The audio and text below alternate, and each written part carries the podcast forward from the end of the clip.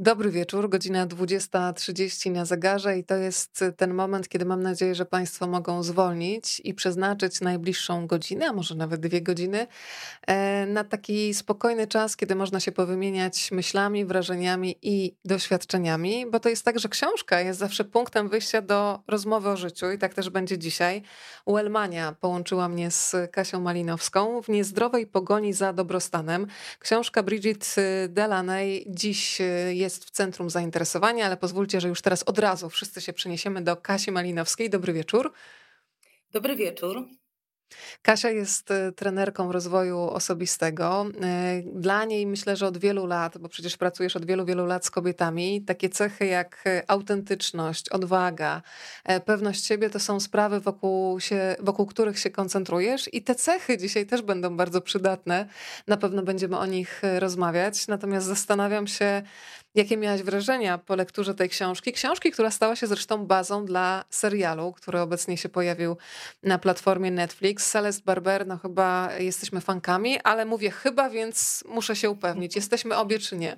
Jesteśmy, jesteśmy. Absolutnie uwielbiam Celeste za jej autoironię, za jej dystans do siebie, do świata i za to, jak e, pięknie obnaża różne skrajności, w które czasami całkiem nieświadomie wpadamy.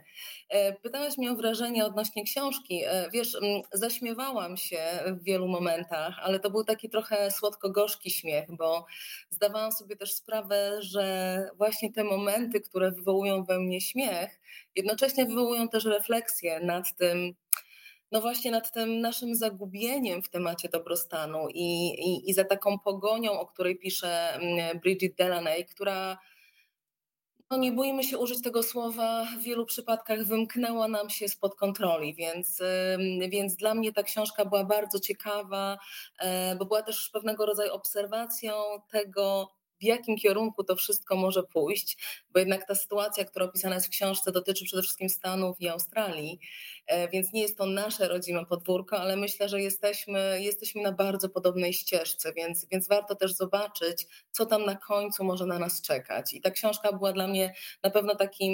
Mm, no takim momentem też do refleksji, ale też do przyjrzenia się sobie, bo tam pojawia się wiele, wiele ciekawych, e, głębokich pytań, które, które zapraszają właśnie do przyjrzenia się, jak to wygląda u mnie. To prawda, słuchaj, jesteśmy już w wielu domach. Ja zachęcam zawsze Państwa do tego, żeby dzielić się tym, co dobre. Tak jest w przypadku tej rozmowy, więc wystarczy nacisnąć guziczek udostępnij. On jest widoczny pod tymi oknami. E, I tym samym ta rozmowa pojawi się również na Waszej facebookowej osi czasu. Od razu też zachęcam do tego, żeby zadawać pytania, ale też dzielić się własnymi doświadczeniami, bo tak jak Kasia powiedziała przed chwilą, z jednej strony śledzimy cudzą historię, odległą od nas geograficznie, ale okazuje się, że tak naprawdę jesteśmy bardzo podobni, jeżeli chodzi o nasze tęsknoty starania, złudzenia, tak. jakie nam e, towarzyszą. To powiedzmy trochę, Kasia, o autorce, bo ona ma taki zawód, z jednej strony powiedziałabym bardzo ekscytujący. E, no, ja sama jestem dziennikarką, ale na pewno nie aż tak ekspansywną, jeżeli chodzi o sposób podróżowania, ciągłe zmiany, wyjazdy. Powiedzmy, czym e, Bridget Delaney się zajmowała przez kilkanaście lat tak naprawdę. No i powiedzmy też o tym, że ona trochę wchodzi w rolę takiego królika doświadczalnego, czyli to, o czym pisze, przefiltrowuje przez takie własne odczuwanie, nie tylko jest teoretykiem, ale ona wchodzi w praktyczne zagadnienia. Tak, no to, to, to było też takim clue w ogóle do napisania tej książki, właśnie doświadczenie tych wszystkich etapów związanych z, z detoksem, z oczyszczaniem, z medytowaniem, z jogą, różnymi e, rodzajami jogi, z odosobnieniem. Ona faktycznie to wszystko przeszła i, i to, czym dzieli się na kartach swojej książki, to są jej odczucia, jej doświadczenia, jej refleksje. Ten zawód dziennikarki, która w, w przypadku Bridget Delaney e, zmieniała wielokrotnie miejsca swojego zamieszkania, też ten zawód tak naprawdę sprawił, że no ona w pewnym sensie e, jeździła tam, gdzie były tematy do zrealizowania. I jeśli dobrze pamiętam, popraw mnie, jeśli się mylę, ona chyba mieszkała w 30 różnych miejscach. To, to tak, nie jest tak, że je zwiedziła, tak. ona tam po prostu mieszkała. Więc ten jej tryb e, pracy, e, a co za tym idzie tryb życia, był bardzo takim trybem, no można powiedzieć, wykańczającym, bo tak naprawdę żyła w bardzo dużym pośpiechu, bardzo często też o tym pisze, towarzyszył jej niepokój, towarzyszyło jej zmęczenie, jednocześnie będąc ekstrawertyczką i osobą, która niezwykle karmi się tym życiem towarzyskim i spotkaniami z ludźmi, wiodła bardzo intensywne życie towarzyskie i bardzo intensywne życie zawodowe, co no nie, pozostawiło, jakby nie, nie pozostało bez śladu na jej zdrowiu, na jej organizmie i też ten eksperyment, któremu się poddała, myślę, że był podwójnie trudny, bo po pierwsze e, dotyczył ogromnego reżimu, o którym pewnie sobie za chwilę porozmawiamy, ale po drugie on był jakby, wiesz, takim kompletnie przeciwległym biegunem w stosunku do tego, do sposobu, w jaki ona żyła. To było tak, jakby wiesz, wyjście ze swojej dotychczasowej, e, znanej sobie przestrzeni i umieszczenie się w zupełnie innych realiach. I Powiedzmy, Kasia, szczerze, że ona tam nie stroniła od używek, od imprez, tak, od, od niedosypiania, od wrzucania w siebie takiego śmieciowego jedzenia. No to była taka tak. imprezowa dziewczyna, która no, była hedonistką wręcz. Absolutnie. I wiesz, ona też pisze o tym, że kawa pomagała jej się obudzić, przebudzić i, i mieć jakiś fokus, żeby mogła te swoje dziennikarskie zadania realizować, a alkohol pozwalał jej się rozluźnić, zrelaksować, chociaż na chwilę, wyjść z tego niepokoju, z tego stresu, z tych deadline'ów, z tej gonitwy. Więc to było też takie odbijanie się właśnie, no też od takich skrajności. Zresztą w ogóle o skrajnościach jest bardzo dużo w tej książce i myślę, że to jej życie było bardzo intensywne, bardzo hedonistyczne, ale też o czym ona przekonuje się znacznie później, no nie do końca zdrowe nie do końca dla niej dobre, a z pewnością dalekie od pojęcia dobrostanu.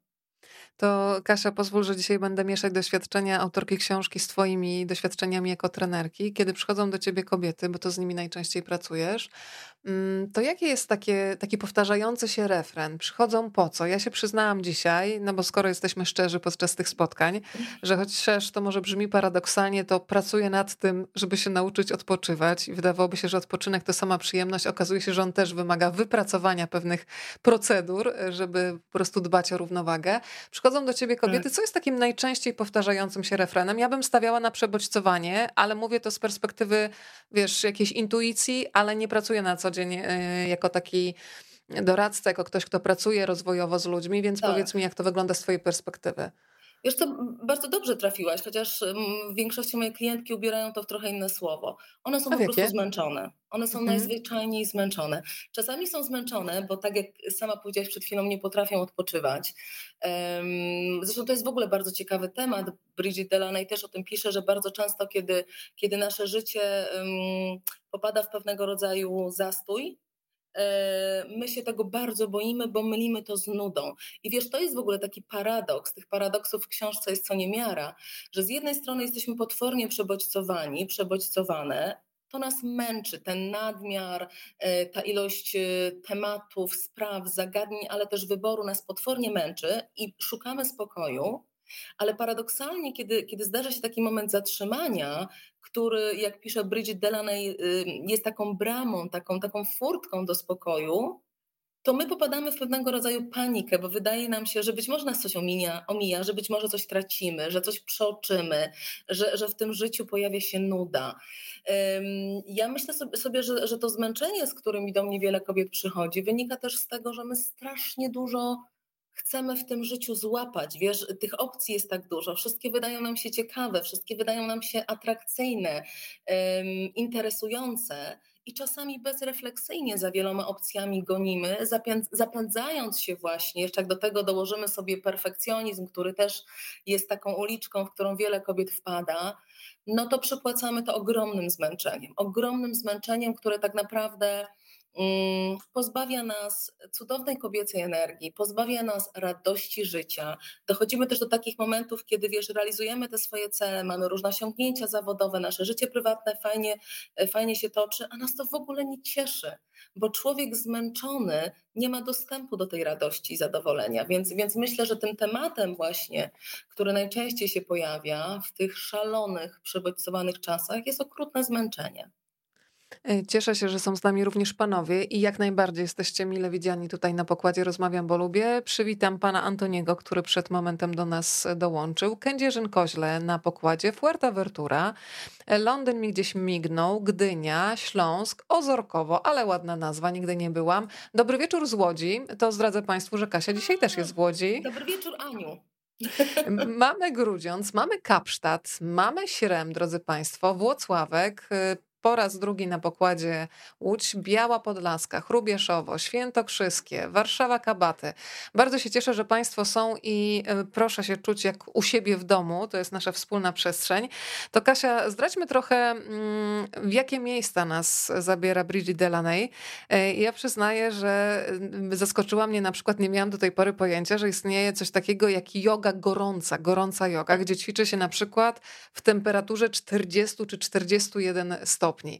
Ale tam jest, y, z tego co pamiętam, klasztor buddyjski w Londynie na przykład. Zabiera nas do ośrodka ajurwedy. Jest y, taniec ekstatyczny, y, jest medytacja wedyjska. Co cię najbardziej zaskoczyło? Bo część z tych metod, zresztą sama autorka przyznaje, to jest coś, co jej pomaga, a część to jest kompletna abstrakcja i nawet powiedziałabym karykatura dbania o siebie, bo dochodzi wręcz do samookolaczenia ciała. Co cię najbardziej zszokowało z tych doświadczeń, które były jej udziałem?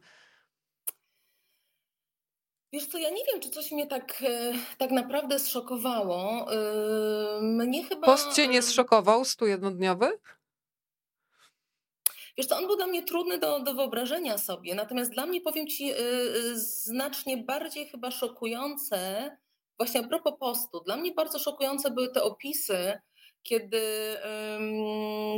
nie pamiętam już na jakim etapie tego, tego postu to się działo, ale kiedy faktycznie y, ona obserwowała w sobie takie zachowania, e, które Zresztą myślę sobie, że, że gdyby spojrzeć na ten post i na tą głodówkę z takiej perspektywy pewnej refleksji, to ona nam może pokazać, e, no właśnie, czego doświadczają ludzie, którzy naprawdę doświadczają głodu, a mamy takie miejsca na świecie. I dla mnie na przykład bardzo drastyczne były te opisy, kiedy ona gdzieś, wiesz, spotykała się z jakimiś znajomymi na chwilę, na moment i dosłownie wylizywała jakieś resztki z talerza, komuś zabierając e, przeżuwała te resztki w buzi, nie połykała tego jedzenia, no bo była na detoksie. Wiesz, wypluwała to jedzenie, albo czasami wąchała talerz, żeby chociaż ten zapach, który przypominał jedzenie, w jakiś sposób mógł ją nasycić. Dla mnie to już były takie skrajne zachowania, takie wiesz, no, mm, które właśnie kojarzą nam się z takimi momentami, kiedy naprawdę ludzie doznają, doznają głodu. I ona zresztą tam miała takie refleksje, kiedy, kiedy sama siebie pytała, czy ta głodówka, czy ten detoks, y, nie jest formą samookaleczania siebie. Dochodziła też do takich wniosków, e, że człowiek głodny to człowiek nieszczęśliwy, kropka. I wiesz, i to już jest w kontrze w ogóle do założeń dobrostanu, bo dobrostan jest takim stanem, który chcemy osiągnąć, w którym czujemy się dobrze.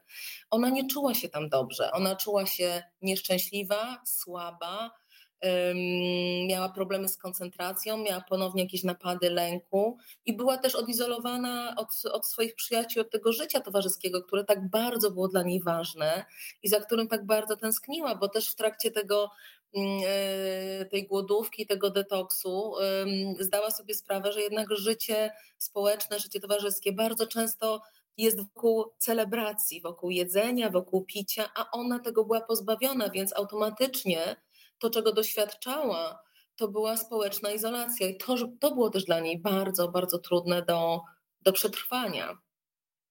To ja teraz mam zachętę dla wszystkich, którzy są razem z nami, bo to jest taka książka, która też y, pozwala aktualizować, tak to nazwijmy, wewnętrzny system, tak. system wartości. Dobre życie, w ogóle to hasło dobrostan. Dobrostan dla mnie brzmi tak jakoś patetycznie, więc się będę trzymać dobrego życia.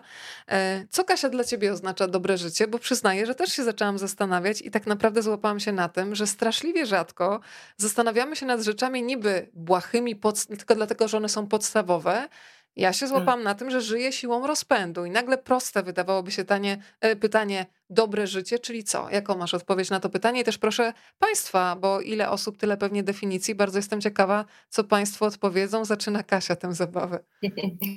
Wiesz co, e, dla mnie dobre, ja w ogóle bardzo lubię proste życie proste. Ja jestem w ogóle minimalistką, wiesz, i dla mnie im prościej, tym lepiej. Dobre życie to na pewno dla mnie takie życie, w którym, no właśnie, wiesz, ja jestem w ogóle zodiakalną wagą. Często, często to podkreślam, bo faktycznie dla mnie ta potrzeba równowagi, balansu w różnych sferach życia jest bardzo istotna i wiem już i znam już siebie, zdążyłam siebie poznać przez te 40 parę lat, e, że kiedy za bardzo się odchylam w jakąkolwiek e, stronę, to nie jest to dla mnie dobre, więc, więc na pewno taki, taki balans i równowaga, przy czym to nie jest, wiesz, balans rozumiany w kategorii 50 do 50, bo są takie momenty, kiedy więcej czasu poświęcam swojej pracy, są takie momenty, kiedy więcej czasu poświęcam na przykład swojej córce. Ja bardzo lubię też e, e, spędzać czas w domu, e, ale też lubię się spotykać, więc jakby wiesz, dla mnie dobre życie to jest takie życie, w którym świadomie potrafię, albo przynajmniej staram się, bo bądźmy szczerzy, to nie zawsze też mi się udaje, ale staram się znajdować czas na to, co jest dla mnie ważne. Bardzo lubię proste rzeczy, y, bardzo lubię rozmowy z ludźmi, uwielbiam się spotykać. To jest akurat coś, co mam wspólnego z Bridget Delaney. Mnie bardzo karmią spotkania z ludźmi. E, mam to szczęście, że też w pracy zawodowej e, otoczona jestem wieloma ciekawymi osobami, ale też w życiu prywatnym bardzo o to dbam. Bardzo lubię kontakt z naturą, e, lubię spacery z moimi adoptowanymi psiakami. E, lubię spędzać czas z moją córką. E, ważne są dla mnie rozmowy z moimi przyjaciółkami. Nawet jeśli jesteśmy gdzieś zabiegane, to chociaż tam na, na te przysłowiowe 10 minut, żeby się dzwonić i zrobić update, co u której słychać. Wiesz, i też e, im jestem starsza, tym coraz bardziej dobre życie oznacza dla mnie no właśnie takie autentyczne życie, czyli wiesz, nie y, staranie się każdego dnia, to pięknie o tym kiedyś napisała doktor Ewa Edith Eger w książce Wybór, jeśli się nie mylę, e, staranie się każdego dnia być coraz bardziej sobą, pozwalanie sobie na to bycie sobą, na to usłyszenie, czego ja potrzebuję, co jest dla mnie ważne, z czego już mogę zrezygnować, czego nie muszę, e, o co naprawdę nie warto już zabiegać. I dla mnie też takim słowem, które bardzo blisko jest tego dobrego życia, jest też takie słowo spokój. Ja już wiem, co ten spokój mi daje, wiem, co ten spokój mi zabiera, więc też mam już taką uważność na te wszystkie sytuacje, które, które mogłyby mnie spokoju pozbawić. Więc e, proste, dobre życie, spokojne życie, e, w którym jest miejsce na relacje, wartościowe relacje, w którym jest miejsce na, mm, na to, co dla mnie ważne e, i w którym jest dużo takiej miłości, wyrozumiałości dla siebie i dla swoich bliskich. To chyba tak w skrócie. Mm, bardzo Ci dziękuję za tą odpowiedź. Ja też się y, zobowiązałam do tego, że wezmę udział w tej zabawie i nawet dzisiaj z koleżanką o tym rozmawiałyśmy, że zdałam sobie sprawę, że dobre życie to jest dla mnie też właśnie takie poczucie wewnętrznego spokoju i to, że nawet w mhm. sytuacjach zawodowych zdarza mi się teraz powiedzieć, mój brzuch mówi nie. Czyli słucham swojego mhm. ciała i jeżeli ktoś próbuje mnie do czegoś namówić, co nie jest moje, to już nie tak. szukam jakichś okrągłych zdań, tylko mówię, wiesz co, mój brzuch mówi, że nie, to cześć i wychodzę. E, I powiem ci, że to jest niezwykłe, bo rozmawiałyśmy o tym, miałam na przykład długą przerwę w takich korporacyjnych mediach i miałam, wiesz, taką zagwozdkę, że dobrze, odeszłam i teraz nie mam za sobą kostki mikrofonu tej telewizji czy tego radia. Czy ktoś będzie chciał ze mną rozmawiać? I ego też pracowało, że no były duże zasięgi na przykład, kiedy jesteś w jakimś stacji, Potem to się mhm. zawęża, ale masz grono fantastycznych ludzi z jakością, jaką chcesz oferować, a nie musisz tak. się poddawać, wiesz, e, żadnym sytuacjom. Więc dla mnie ten spokój to jest właśnie możliwość powiedzenia w profesjonalnej sytuacji zawodowej, mój brzuch mówi, że to nie jest moja historia. Państwo piszą piękne posty. Magda pisze, dobre to uczciwe wobec innych i siebie. Fantastyczne. Tak. I ta też szczerość wobec siebie jest bardzo ważna. Kasia, no to jest też dobre życie. nie? Mhm. Tak. Kasia, dobre życie to blisko natury i z kochanymi ludźmi, w zgodzie ze sobą, bez dopasowywania się do ogółów. Widzę, że nam się powtarza mhm. już pewien refren. Beata, spokój, cisza, harmonia, przeplatane spotkaniami, rozmowami, muzyką i tańcem, książką, filmem, sztuką. E, I Agnieszka, mm, bardzo się z Panią zgadzam, tak jakby mi Pani zabierała słowa, które miałam ochotę napisać. Kasia, to do Ciebie. Może dodam jeszcze wiarę w siebie, być swoją busolą. No to Kasia, to też jest, że tak powiem, Twoje tak, sedno, Twoje tak, serce. absolutnie.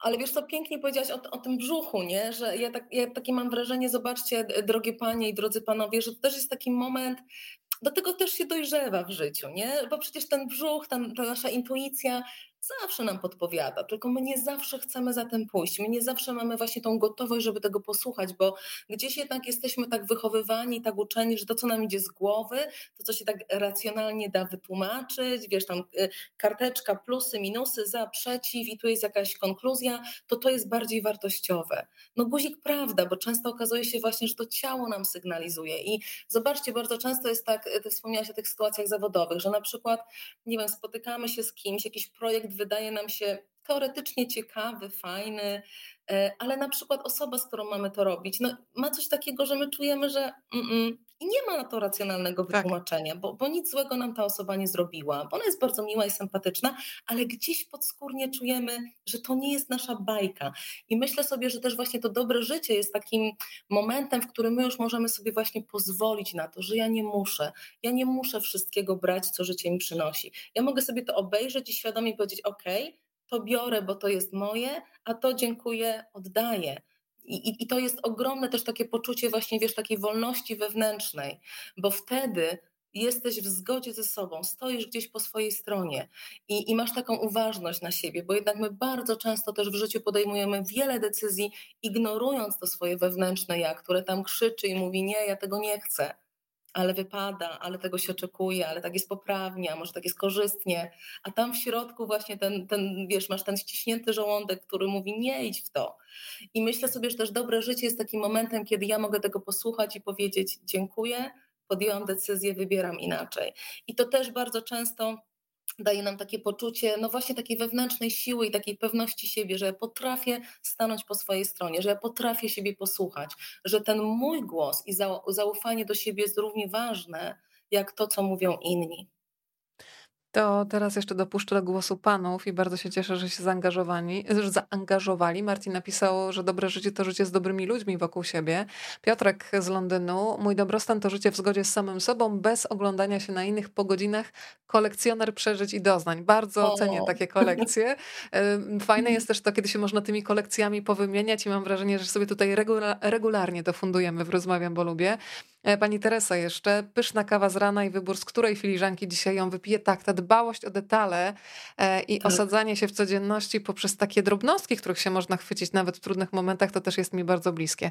Kasia, pomyślałam jeszcze, tak. żebyśmy trochę porozmawiały o fenomenie na przykład Celeste Barber, bo wiem, że mhm. zdecydowana większość pewnie ją zna, ale może ktoś dopiero dzisiaj rozpocznie znajomość.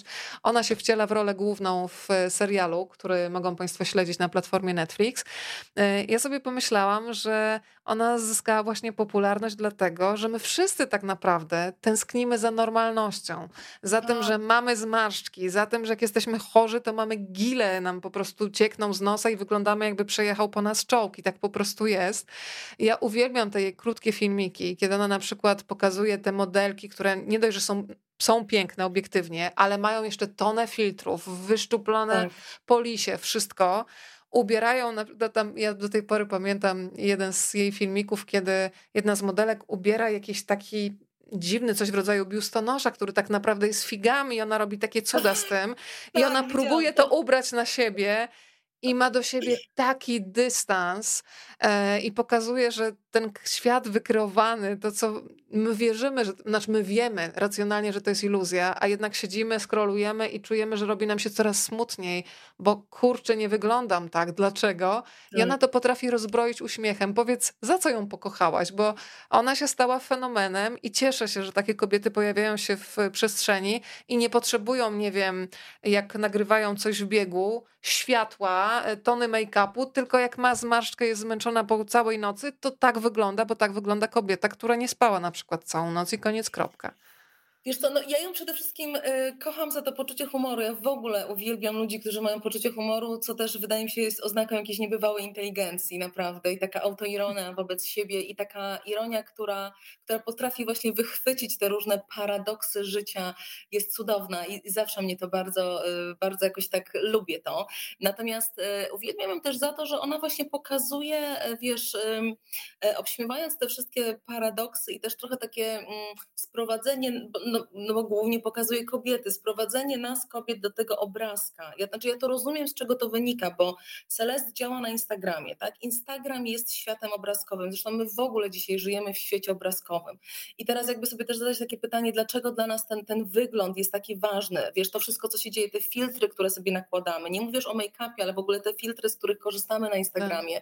No bo właśnie żyjemy w takich czasach, kiedy oglądamy świat właśnie w obrazku i ten nasz wygląd jest też takim obrazkiem.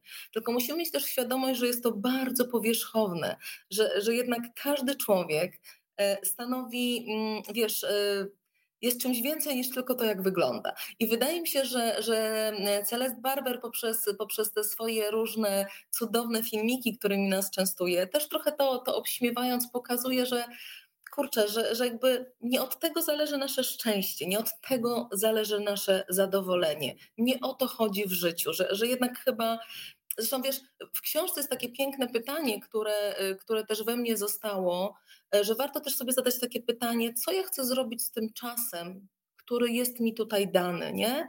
jakby to powiedziała e- Ewelina Stępnicka, co ja chcę zrobić z tym czasem, kiedy tu jestem na tej planecie Ziemia? Czy ja naprawdę chcę tak dużo czasu nakładów finansowych, e, swojej energii poświęcać temu, jak ja wyglądam, i jednocześnie zabierając ten czas innym aktywnościom, bo każdy z nas ma 24 godziny do dyspozycji każdego dnia i, i, i czas jest takim zasobem, którego nie jesteśmy w stanie odzyskać. Więc myślę sobie, że ona też trochę właśnie prześmiewając te różne historie, skłania nas do takiej refleksji, czy to jest ta ścieżka, którą ja chcę podążać, po co ja to robię, e, co to ma mi załatwić, bo, bo też e, kiedy, kiedy mówimy sobie o, o tym całym biznesie wellness, o którym pisze Bridget Delaney, to bardzo często osoby, które no właśnie idą w tą, w tą uliczkę, mają nadzieję, że to im coś załatwi, to im coś zrekompensuje, nie wiem, to im da poczucie zadowolenia z siebie, albo to im da poczucie samoakceptacji, którego nie potrafią e, w sobie e, gdzieś znaleźć, prawda? I, i my zawsze szukamy jakichś takich, wiesz, szybkich rozwiązań, bo też w takich szybkich czasach żyjemy. Ale ta praca wewnętrzna, ta praca nad tym dobrym życiem, takim spełnionym życiem, szczęśliwym życiem, no to, to, nie, jest, to nie jest takie pstryk, tak się tego nie da załatwić. Powiem ci, że ja też bardzo lubię te interakcje, które ona czasami ujawnia rodzinne. Też ma fantastycznego partnera i widać, że pomiędzy tak. nimi jest taka chemia. I też widać, że nie musisz być super modelką, tylko że najbardziej moim zdaniem seksownym narządem zarówno w ciele kobiecym, jak i mężczyzny jest mózg, czyli to, co ty masz do powiedzenia. Jeżeli masz e, w sobie lekkość, jeżeli masz żart, jeżeli potrafisz się śmiać z siebie i z innymi, a tak. nie z innych może. Więc e, to jest taka bomba energetyczna, że widać, że między nimi to oni tam mają chyba długoletni już ten związek, ale to, to tak. na ile oczywiście nam daje wgląd do swojej codzienności, oczywiście zachowując dystans, że pokazuje tyle, ile chce i też muszę mieć gdzieś z tyłu głowy, że być może to jest tylko fragmentaryczne, ale bardzo mi się to podoba, ta energia i takie ich wzajemne wspieranie się i tego, że widać, że, że tam dwie strony bardzo sobie kibicują i są z siebie dumne i myślę, że to też jest sekret udanego związku. Pani Małgosia napisała coś, co jest mi bardzo bliskie. E, poczułam się dobrze sama ze sobą, kiedy zaakceptowałam, że nie stanę się gadatliwą ekstrawertyczką i pogodziłam się ze swoim introwertyzmem. I najbardziej uwielbiam to drugie zdanie, uwielbiam chwilę nudy, kiedy nic się nie dzieje i mogę się wsłuchać w chrapanie mojego psa. No to Kasia, musisz zdradzić, że ty możesz y, mm, w zasadzie słuchać chrapania w stereo. Tak, ja, mam, ja mówiłam tutaj, rozmawiałyśmy sobie z Weroniką y, na temat psiaków. Ja mam dwa adoptowane psy. Żadnego z nich nie miałam w planach, no ale czasami wszechświat y, lepiej wie, czego my potrzebujemy, więc ja mam cudowne dwa adopciaki. E, I no tak, i, i ja, ja z kolei uwielbiam, tak jak tutaj pani Małgosia pisze, wsłuchiwać się w chrapanie psa. Ja uwielbiam y, patrzeć na, na nich, jak oni razem szaleją, jak się wygłupiają, jak się wydurniają. Mają zupełnie inne temperamenty i to tak fajnie się uzupełnia. No i w ogóle y, to, co chyba każdy psiarz doskonale o tym wie, że cudowny jest taki moment, kiedy wraca się do domu, niezależnie czy wracamy po 10 minutach, czy po trzech dniach, radość jest taka sama. To jest cudowne. I zawsze ja patrząc na swojego psa, y, jestem pod wrażeniem takiego impetu i takiej energii, z którą wchodzi w każdy dzień. Nieważne, tak. czy to tak. jest poniedziałek, czy to jest weekend, czy pada, czy jest słońce, czy jest śnieg każdy dzień jest po prostu dobry do tego, żeby się nim cieszyć. Ja przyznaję, że mm, bardzo mnie zatrzymało zdanie dotyczące medytacji. E, mhm. To nasza autorka Brigitte y, Delaney mówi o tym, że dla niektórych to może być takie doświadczenie frustrujące, bo tak jak mówiłaś, w końcu wydaje się, że w kiepski sposób wykorzystujemy czas, bo on przepływa, my po prostu mamy się tym nie interesować. Ale takim pytaniem, które się pojawiło w mojej głowie i dało mi też do myślenia, było to, czy my się zmieniamy dla siebie, czy tak naprawdę cały czas się zmieniamy dla innych. Tam jest taki fragment, jeśli chodzi o medytowanie przez 15 minut dziennie, nagle nie wystarcza nam czasu. Może chodzi o to, że rezultaty nie są fizyczne, nie jest to coś, co my czy ktokolwiek inny może zobaczyć. I faktycznie tak. to jest coś, co można poczuć, i ci, którzy medytują, mówią w jasny sposób, że to robi naprawdę dużą różnicę, w, w, jak, w jaki sposób wchodzą dzień, ile mają w sobie spokoju. E, czy miałeś takie doświadczenia z medytacji, albo jakieś swoje, sprzedaj tutaj takie patenty na mini urlopy dla ciała i mózgu, bo Bridget Delaney w tej książce w taki bardzo jasny sposób mówi, że dla niej medytacja była jednym z chyba z najcenniejszych takich doświadczeń, które pozwoliły Absolutnie. jej złapać taki balans. Tak, które pozwoliły jej złapać balans i które też właśnie dawały jej spokój, bo ona, ona w tych innych, y, ani w odosobnieniu, ani w tej gorącej jodze, ani w tym detoksie tego spokoju nie znajdowała. Pytasz mnie o moje doświadczenia. E, wiesz co, ja do medytacji miałam kilka podejść. Teraz jestem na takim etapie, bo to też chyba trzeba znaleźć dla siebie mm, właściwy moment. Ja jestem w ogóle takim typem osoby, Tutaj staram się i tak dosyć wolno mówić, ale kto mnie zna, ten wie, że jestem bardzo szybka. Ja szybko mówię, szybko działam, szybko reaguję, szybko żyję. Nie zawsze jest to dla mnie dobre. I e, bardzo szybko też z reguły zaczynałam dzień. To znaczy, wiesz, ja po prostu jak się budziłam, to już wyskakiwałam z łóżka, już tam się rzucałam w różne działania. No i w pewnym momencie w toku mojej pracy rozwojowej nad sobą ktoś mądrzejszy mi powiedział, że nie, nie, to w ogóle trzeba zmienić. Że właśnie ja potrzebuję zaczynać dzień na spokojnie. I dla mnie y, staram się, nie powiem wam, że codziennie, bo bym, bo bym was okłamała, a ja lubię być autentyczna, ale jak uda mi się trzy razy w tygodniu zacząć dzień w ten sposób, że zaczynam właśnie od medytacji, której sobie słucham. Nie będę tu może mówiła kogo słucham, żeby też nie, nie robić jakiejś kryptoreklamy, ale mam jedną osobę, której uwielbiam słuchać, jej medytacji. I Powiedz, medyta... podzielmy się tym. Tak? Mówisz o tym, no co dobra. tobie pomaga, jasne. No. Dobra, no to mówię. Ja słuchajcie, słucham takiej krótkiej, to jest chyba około 10 minut medytacji prowadzonej przez Klaudię Pingot. I to jest taka medytacja na początek dnia, która ustawia mi dzień, bo w tej medytacji też um, pojawia się właśnie takie pytanie, o co ja chcę dzisiaj zadbać, na czym chcę się sfokusować, co jest dla mnie ważne, czego nie odpuszczę. I to jest coś takiego, słuchajcie, co mnie na start tak właśnie jakby pionizuje, ale też pokazuje mi, co w tym dniu jest naprawdę ważne, żeby, żebym ja nie wpadła w ten chaos. E, to jest coś, co daje mi spokój i ja zauważyłam, że kiedy zaczynam w ten sposób mój dzień, to on naprawdę inaczej się układa. A kiedy wpadam w ten swój stary schemat, że dzwoni budzik, już wyskakuje i już jestem w działaniach, to ten chaos mi nie sprzyja. I ja to wiem. E, więc mam nadzieję, że będzie mi się udawało mm, te medytacje znacznie częściej, tą medytacją częściej rozpoczynać dzień niż tylko trzy razy w tygodniu, ale jest jeszcze jedna rzecz, która mi bardzo pomaga. Też bardzo długo szukałam takiej aktywności fizycznej, w której się odnajdę. I rok temu, słuchajcie, zakochałam się w Pilatesie. I to śmieję się, że to jest mój najdłuższy romans z aktywnością sportową, ponad rok, bo ja z reguły tak, wiecie, udawało mi się dotrwać do szóstego miesiąca, już później byłam znudzona, no bo jestem, ja też jestem typem, który potrzebuje zmiany, różnorodności, nowych wyzwań. A ten pilates, słuchajcie, jest tak cudowny, bo poza wszystkimi dogodnościami cudownymi dla mojego ciała, on mnie właśnie uspokaja, on mi przynosi spokój. I śmieję się, że jak jestem na treningu, to moja pani, jak tam też wpadam taka rozpędzona gdzieś prosto po pracy, to moja pani trener mówi zawsze, pani Kasiu, wolniej, wolniej.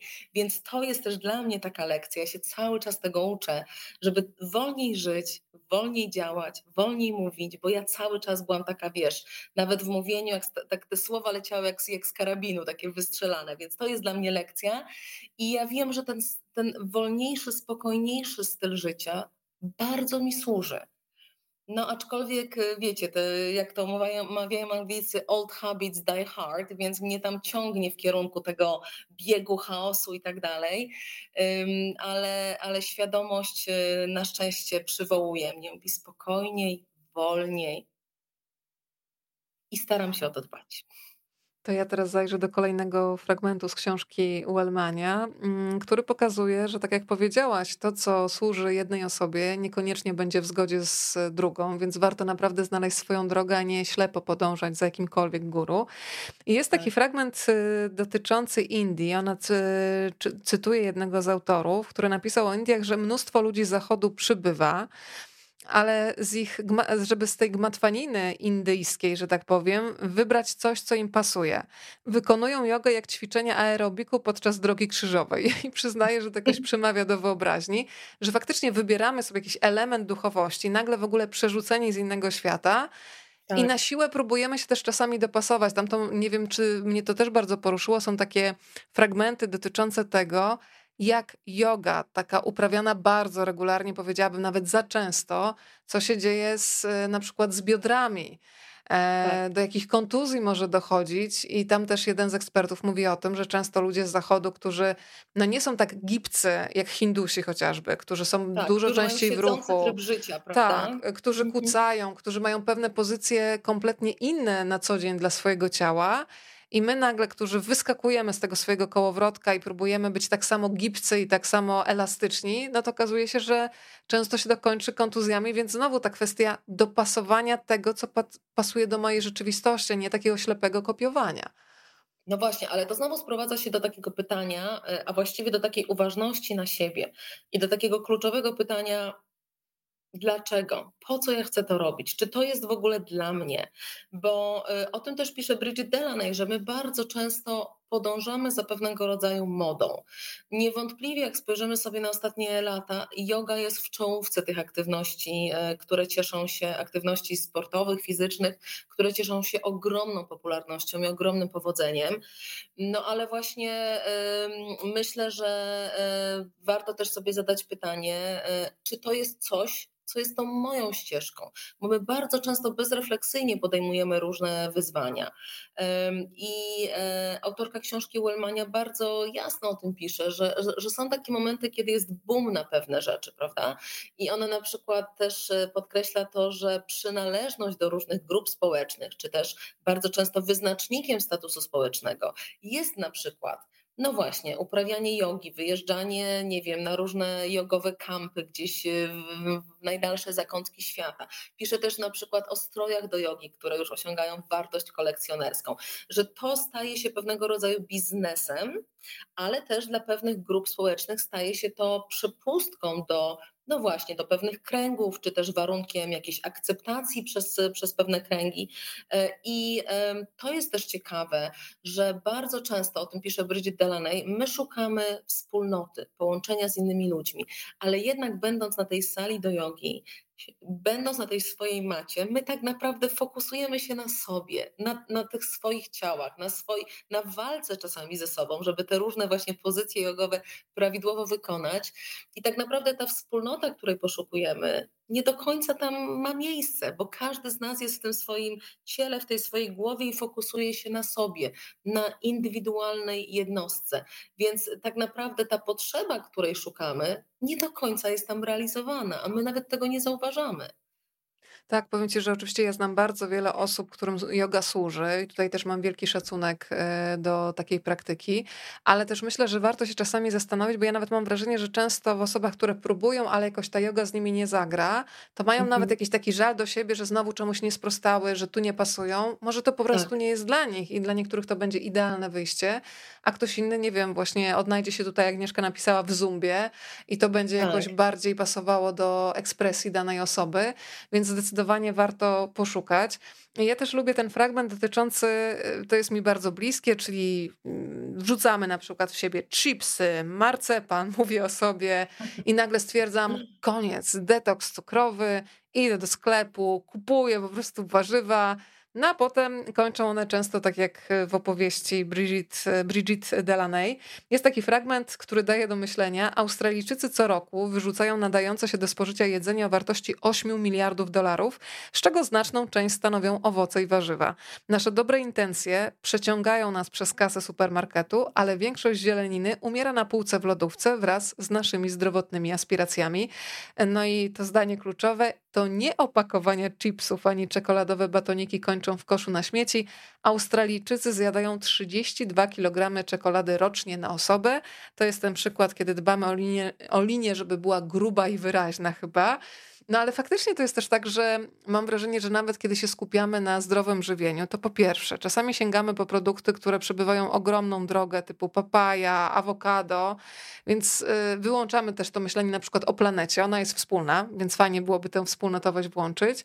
E, no a dwa, Zapominamy że... o naszych, o naszych dobrach tak. sezonowych i o naszych warzywach i owocach. Mhm. A powiedz też, y, że bardzo cienka jest chyba ta granica pomiędzy skupieniem na zdrowym jedzeniu, które jest świetne, ale nagle się okazuje, że są osoby, które przechodzą w ortoreksję. Czym jest w ogóle ortoreksja? Bo to też jest ryzykowne, że chcemy dobrze, no a potem wychodzi jak zawsze, czyli kiepsko. No. No tak, ale zobacz, to, to co mówiłaś o, o tym, że, że, tej sytuacji, że tutaj jemy chipsa, za chwilę się po prostu y, znowu w kolejną skrajność odbijamy i dbamy o tak zwane czyste jedzenie, nie? o tą czystą miskę. To jest tak, tak jak, jak, jak y, tego zwrotu też używa Bridget Delaney. Mm, no ale to jest też tak, zresztą w ogóle zobaczcie, e, my mamy też, e, jesteśmy też często przez media, przez otoczenie w pewien sposób wpychani w takie pułapki, które sprawiają, że my właśnie odbijamy się od tej jednej żywieniowej skrajności do drugiej. Bo mamy takie okresy, kiedy mamy taki moment mobilizacji i to jest na przykład przełom roku, początek nowego roku i hasło nowy rok, nowa ty, prawda? I to jest moment, kiedy jest wielki boom i wszystkie centra sportowe, siłownie w styczniu są oblężone. Podobno statystyki mówią, że około trzeciego tygodnia już ta motywacja nam się y, rozpływa i, i, i zapominamy o tym. Teraz właściwie za chwilę już chyba będziemy zbliżać się do hasła sezon bikini, więc to jest znowu taki moment, kiedy sobie przypominamy, że ojej, ojej, to trzeba, to trzeba zrzucić te kilogramy, oczyścić organizm, przejść na detoks, przestać jeść i w ogóle nie wiadomo co, a później o tym zapominamy. I zobacz, to jest cały czas taka sinusoida, nie? I o tym tak. też pisze, i o tym też pisze Bridget Delaney. I czasami właśnie tak jak mówisz, rzucamy się na te zakupy zdrowego jedzenia, kupujemy warzywa, których na przykład nie lubimy bo usłyszeliśmy, że warto jeść brokuły, więc kupimy te brokuły, ale po prostu brokuły albo szpinak są jakimś naszym koszmarem z dzieciństwa i z przedszkola i nie jesteśmy w stanie przez to przebrnąć. I zamiast podejść do tego racjonalnie i zastąpić to czymś innym, to bezrefleksyjnie kupujemy rzeczy, które, tak jak mówisz, lądują później na śmietniku. Więc myślę sobie, i, i wracając też do takiego pytania, które pojawia się w książce, dlaczego tak trudno jest nam żyć po środku?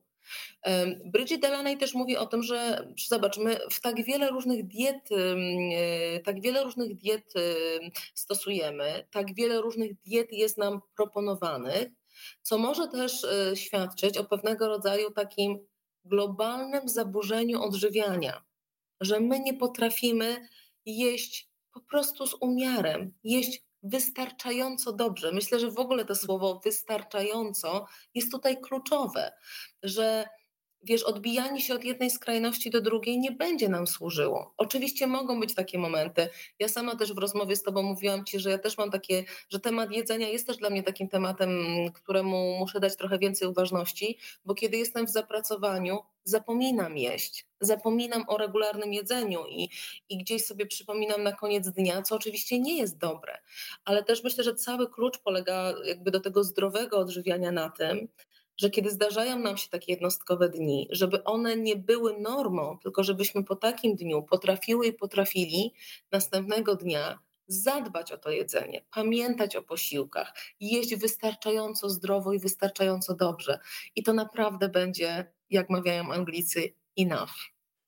To prawda. Słuchaj, to jeszcze pogadajmy trochę o wysiłku fizycznym. Ja sama się złapałam na tym.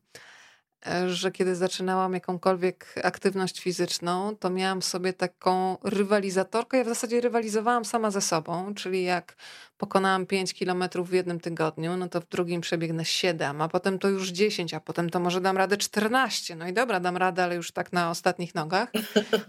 I potem się łapałam na tym, że tak naprawdę ja nie mam przyjemności z tego, tylko cały czas wchodzę w jakiś wyczyn, że tak naprawdę eksploatuję swoje ciało nadmiernie, bo nie wiem po co to robię, tylko cały czas jest jakiś taki mały motorek, który chce więcej, mocniej i po jakimś mhm. czasie siada motywacja, tak naprawdę też rośnie poziom kortyzolu, bo ja cały czas ze sobą walczę, nie mam z tego przyjemności. Dopiero tak. kiedy pracując nad tym bardzo długo, stwierdzałam dobrze, godzina aktywności fizycznej. Czy ty będzie, czy będę sobie spacerować przez tą godzinę, czy będę sobie robić jakieś truchty, ale dziewczyno, mówiłam sama do siebie na głos, ty masz mieć z tego frajdę. Przestań się mhm. żałować i powiem ci, że zajęło mi chyba miesiąc nauczenie mojej głowy, że ja naprawdę tam nie mam z nikim wygrać sama ze sobą. Mam wygrać, bo sobie zrobię kolejne okrążenie.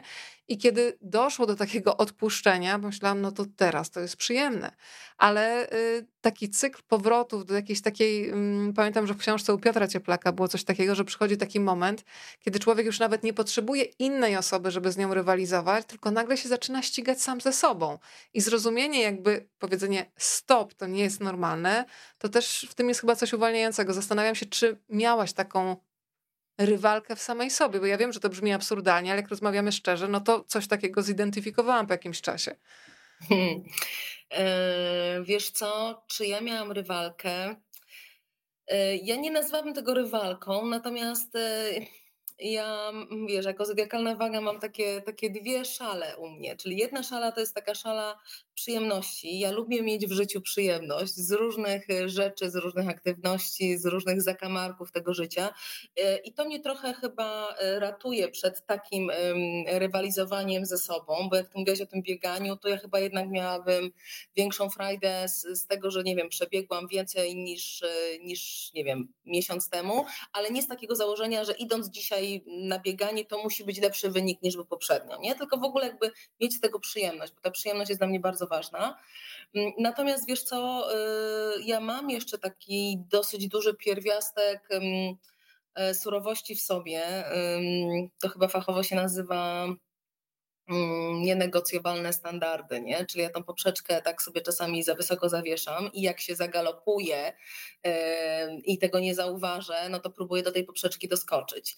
Yy, natomiast coraz częściej zdarza mi się zauważać, że ja niepotrzebnie tak wysoko zawiesiłam i że 100% każdego dnia może wyglądać trochę inaczej, czyli uczę się też brać pod uwagę te okoliczności, bo tak jak ty mówiłaś Weronika o bieganiu, no wiesz, możemy mieć słabszy dzień, możemy być po nieprzespanej nocy, możemy mieć trudny dzień w pracy, możemy mieć, nie wiem, jakieś osłabienie organizmu i wtedy ja nie mogę od siebie oczekiwać, że ja pobiegnę tak daleko i tak szybko, jak biegłam wtedy, kiedy czułam się świetnie i miałam dobry dzień.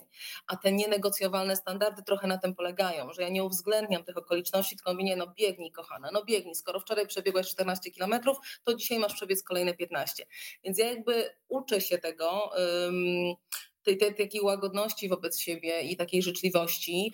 E, I to mnie e, w, w, takich momentach, kiedy chciałabym się w tą rywalizację zapędzić, jednak e, od tego wycofuję. Ale myślę sobie, że to jest też takie, mm, znowu wracamy do tego pytania, po co? Po co ja chcę ze sobą rywalizować? Co to mi daje? Dlaczego to jest dla mnie takie ważne? Dlaczego ważny jest dla mnie ten wynik, ten efekt końcowy? Mm, a przecież tam w trakcie tych, nie wiem, 5, 10, 15 kilometrów tam się tyle pięknych rzeczy dzieje dlaczego ja z tego nie czerpię satysfakcji albo radości, tylko musi być tam, wiesz, to, to przysłowiowe podium, nie? I ten złoty medal. Myślę, że, że, że tam wiele może się kryć powodów i, i odpowiedzi, nie? Zresztą, wiesz, my wiele rzeczy, też o tym trochę dzisiaj rozmawiałyśmy i sporo, sporo miejsca y, poświęca temu w książce Bridget Delaney. My jednak bardzo dużo rzeczy robimy ze sobą, w kontekście tego, jak nas będzie odbierał świat zewnętrzny, bo tak. przecież y, to mm, poddawanie się głodówkom, detoksom, jakimś katorżniczym ćwiczeniom i zrzucanie kilogramów ma służyć temu, w wielkim skrócie, ale, ale tak jest, że lepiej wyglądamy i zbieramy te pochwały z zewnątrz. Co ciekawe, Bridget Delaney, kiedy drastycznie spadła jej waga, zbierała te achy, ochy i zachwyty od innych kobiet, od koleżanek ale nie zbierała ich wcale od mężczyzn, co też pokazuje, że jednak my kobiety bardzo mocno na tym wyglądzie się fokusujemy, że on nie jest aż tak bardzo istotny w przypadku mężczyzn. Dla nas jednak ten, ten obrazek, w którym, w którym się pokazujemy, ma ogromne znaczenie. Z jakich powodów? No też mogłybyśmy o tym pewnie długo, długo rozmawiać.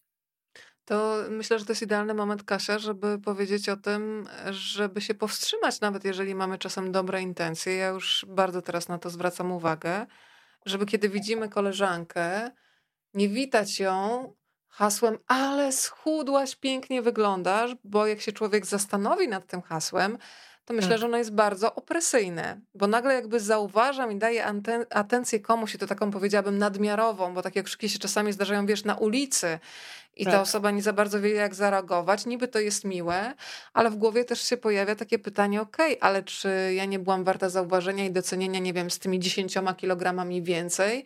E, wydaje się to niewinne, ale mam wrażenie, że dopiero teraz zaczynamy doceniać wagę słów i tego, co one mogą zrobić, nawet jeżeli mamy dobrą intencję. Tak, wiesz, coraz więcej się o tym na szczęście mówi. Poza tym nigdy nie, nie wiemy tak naprawdę, co stoi za tymi zgubionymi kilogramami. Czy to jest świadoma praca e, tej osoby właśnie zmierzająca do zminimalizowania tej wagi, czy to jest choroba, czy to jest, nie wiem, e, ciężki rozwód, przez który ta osoba przechodzi, czy to jest utrata pracy. Tam może być milion powodów, dla których ta waga się zmieniła. E, więc, więc warto też mieć taką refleksję. Zresztą Bridget Delaney też pisze o tym, że my też bardzo często tak mylnie, wiesz, my myślimy skrótami, bo tak jak powiedziałam, żyjemy w tych przebodźcowanych czasach i nam się wydaje, szczupły człowiek, znak równości, zdrowy człowiek. Ona obala ten mit naprawdę obala ten mit, że szczupła osoba wcale nie musi być zdrową osobą, bo jeśli ta szczupłość właśnie wynika z, z tych różnych restrykcyjnych i dewastujących nasz organizm głodówek i diet, to bardzo często to jednak ma mm, negatywny wpływ na nasze zdrowie, więc też warto zdać sobie z tego sprawę. E, ważny komentarz od pana Tomka. Ja zrezygnowałem z licznika rowerowego, wychodząc z założenia, że będę jeździł dla przyjemności, nie dla dystansu i maksymalnych prędkości. Bardzo dziękuję panie Tomku, bo otworzył mi pan kolejną szufladkę w głowie. O tym e, rozmawiała między innymi Janna Flis w swojej książce Co ze mną nie tak. Tam się jedna z rozmówczyń powiedziała bardzo ważną rzecz. Nigdy wcześniej o tym tak nie myślałam, chociaż kiedy już to przeczytałam, to wydawało mi się to oczywiste, ale dopiero do mnie dotarło że wszystkie te nasze krokomierze, sama chodzę z zegarkiem, które liczy mi kroki, e, czy diety pudełkowe, jeżeli stosujemy je non-stop, w ogóle jakby się nie zastanawiając, na co my mamy ochotę danego dnia, no że e, tam jedna z e, trenerek pytała swoich podopiecznych, jak się dzisiaj czujesz? I ludzie zamiast się wsłuchać w to, czy nie wiem, są wyspani, czy, czy tak. ciało jest ok, to sprawdzali, ile zrobili dzisiaj kroków, ile udało im się spalić i jak wyglądają parametry analizy snu. Że nie potrafili już sami z siebie, że do tego stopnia zaufaliśmy technologiom i tego, że ktoś za nas coś wylicza. Jakbyśmy już w ogóle stracili zaufanie do jakiejś swojej samoobserwacji, to przyznaję, że dla mnie było poruszające. Ale zobacz, jakie to jest w sumie smutne, bo to też pokazuje, jak bardzo my się od siebie oddalamy. Tak. Jak bardzo my nie mamy kontaktu ze sobą, ze swoimi ciałami. Fajnie, że wspomniałaś o tej diecie pudełkowej, bo, bo ja się tak y, w duchu uśmiechnęłam, bo ja też miałam taki epizod w swoim życiu, kiedy próbowałam. Ja też. Wydawało, wydawało mi się, że, że jakoś mi tak ułatwi życie, tylko ja dosyć szybko wracając do tej przyjemności, zorientowałam się, że dla mnie jest, jest coś takiego nienaturalnego w jedzeniu rzeczy, na które ja być może w ogóle nie mam dzisiaj ochoty, ale mam taki zestaw ja taki zestaw mam zjeść. Bo przecież właśnie wracając też do tej uważności na siebie, nie? No nie wiem, jak, jest, jak przygotowujecie sobie śniadanie, to fajnie jest też się zastanowić, czy ja dzisiaj mam ochotę na śniadanie wytrawne, czy słodkie, czy ja chcę się dzisiaj, nie wiem, zrobić sobie jakiś koktajl warzywny, czy mam ochotę zjeść jajecznicę, czy tosty, czy, czy nie wiem, kanapkę z czymś tam.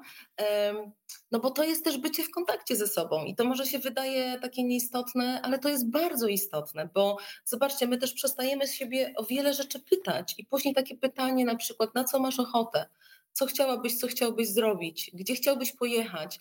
E, wiesz, ile jest takich historii, jak ja na przykład pracuję z kobietami, które, nie wiem, na przykład y, w wieku tam 40 paru lat się rozwodzą.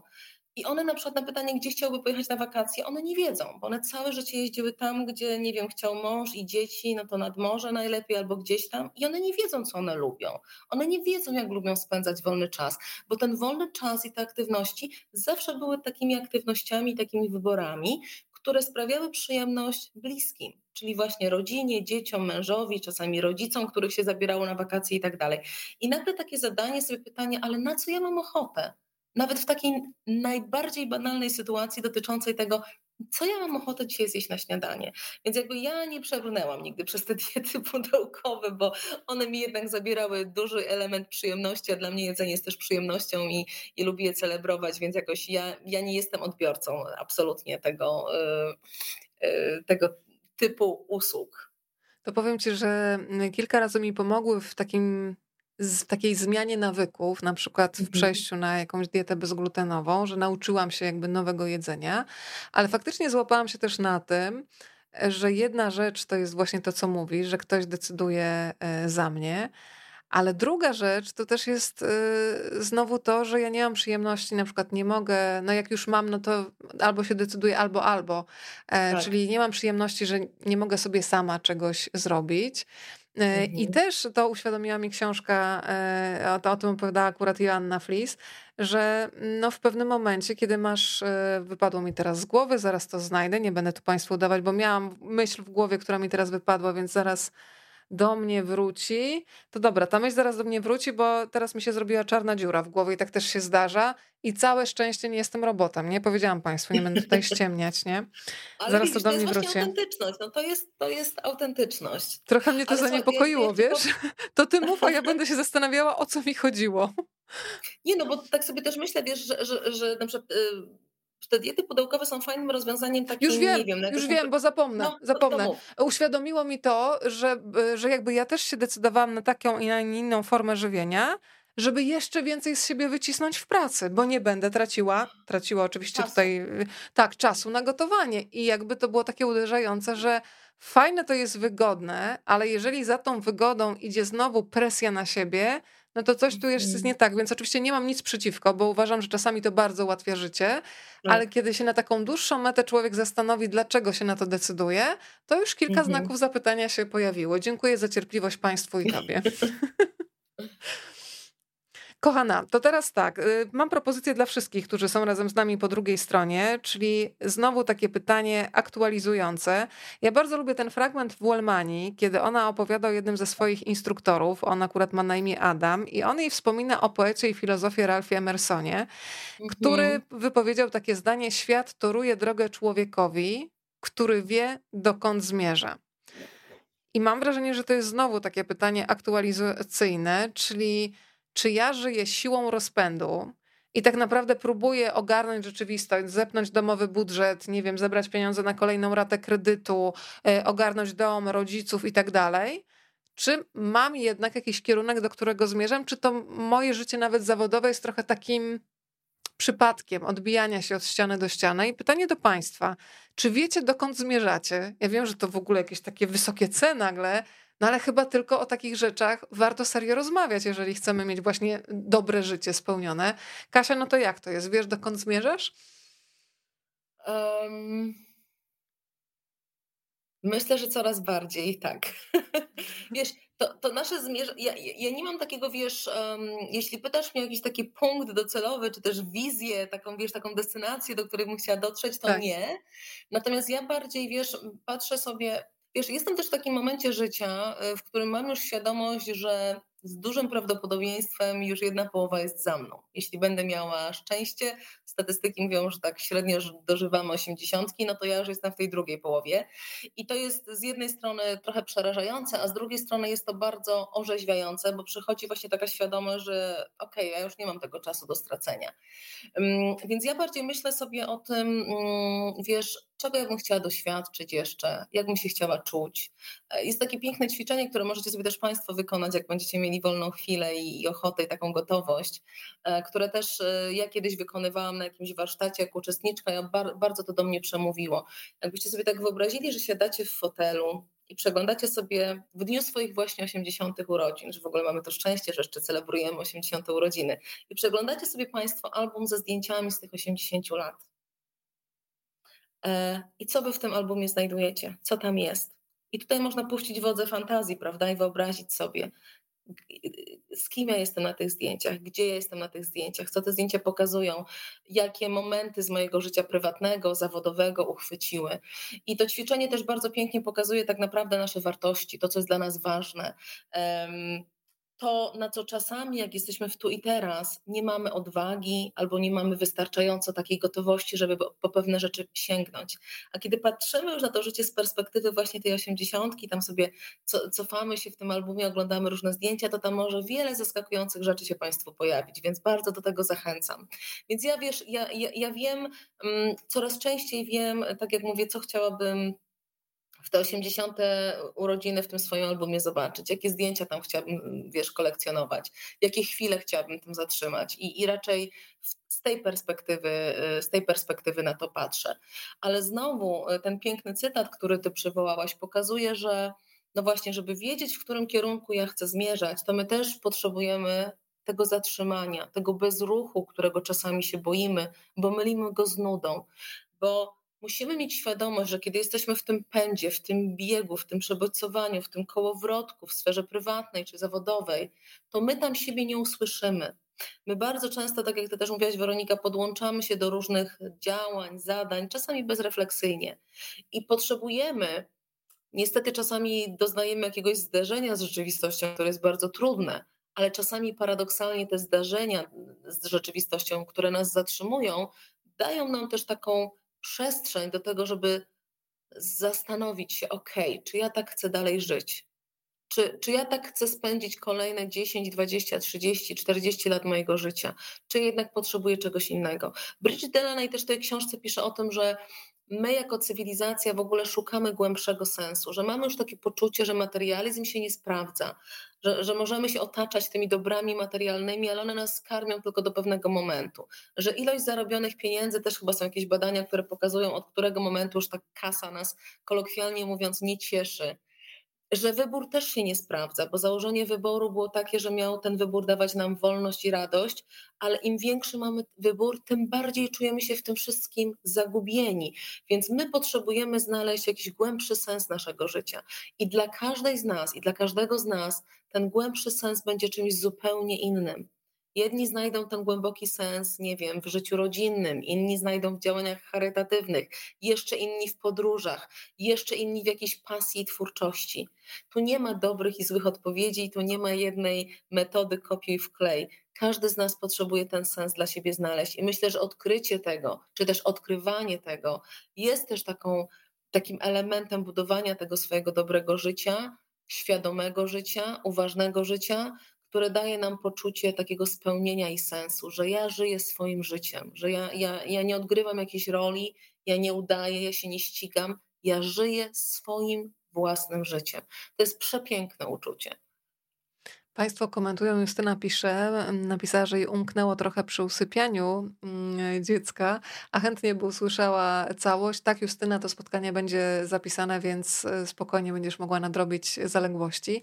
Aga pisze, mm, zmierzam do bycia coraz bliżej siebie, bycia ze sobą szczerą. Dzisiaj zadbałam o granice w sprawie pewnej relacji, powiedziałam, że jednak nie i odszedł niepokój natrętne rozkminy. Gratuluję Aga, bo umiejętność mówienia nie właśnie z poszanowaniem własnych granic, a nie przeciwko komuś, tak. E, to jest coś, do czego się chyba też dojrzewa, ale jest to bardzo szalenie, bym wręcz powiedziała, e, wyzwalające.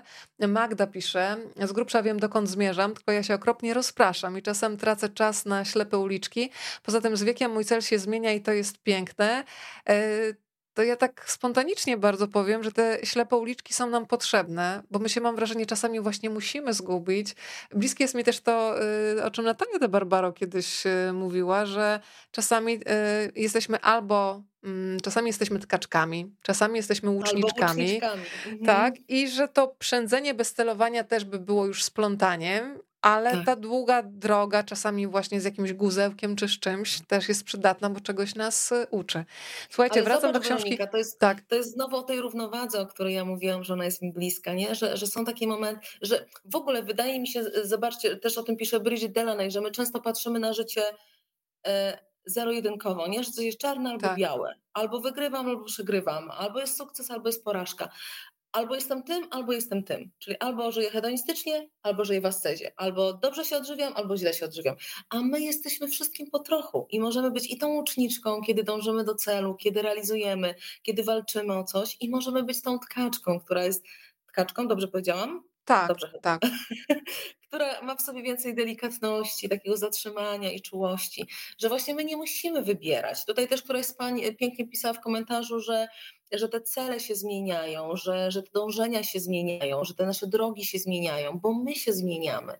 I oczywiście i to, to jest piękne, ale to też właśnie wymaga takiej uważności, że to, co było dla mnie, nie wiem, ważne 10 lat temu, już niekoniecznie teraz jest ważne, bo teraz ja się zmieniłam, bo zmieniły mnie doświadczenia życiowe, bo zmienili się ludzie wokół mnie i, i też warto dawać sobie prawo do tej zmiany, bo my też często, mm, to tak a propos asertywności, że my też często mamy kłopot z takim właśnie pozostaniem przy sobie, bo mamy wrażenie, że świat od nas oczekuje, że jak się na tak. coś zdecydowałyśmy, na tą ścieżkę, Raz na to zawsze. mamy już tą, do końca tą ścieżką iść i nie możemy iść w te ślepe uliczki. No możemy, jeśli chcemy, to możemy. Słuchaj, to ja od razu Państwu powiem, że dzisiaj dwa egzemplarze Wellmani będą szukać dobrych y, domów. Y, dam jeszcze Państwu znać, w jaki sposób będzie można tę książkę wygrać. Y, Aga Paśko przy okazji z wielkiej litery pozdrawiam i dziękuję, że dzisiaj możemy być dobrodziejkami i się z Państwem podzielić, nie tylko opowiadać, ale też pozwolić na samodzielną lekturę. Dla mnie też taki bardzo ważny wątek w tej książce, przyznaję, że czasami sama się na tym łapię, dotyczy tego, że są sytuacje, kiedy ktoś działa tak sprytnie na nasze emocje, że ja w ogóle wyłączam myślenie.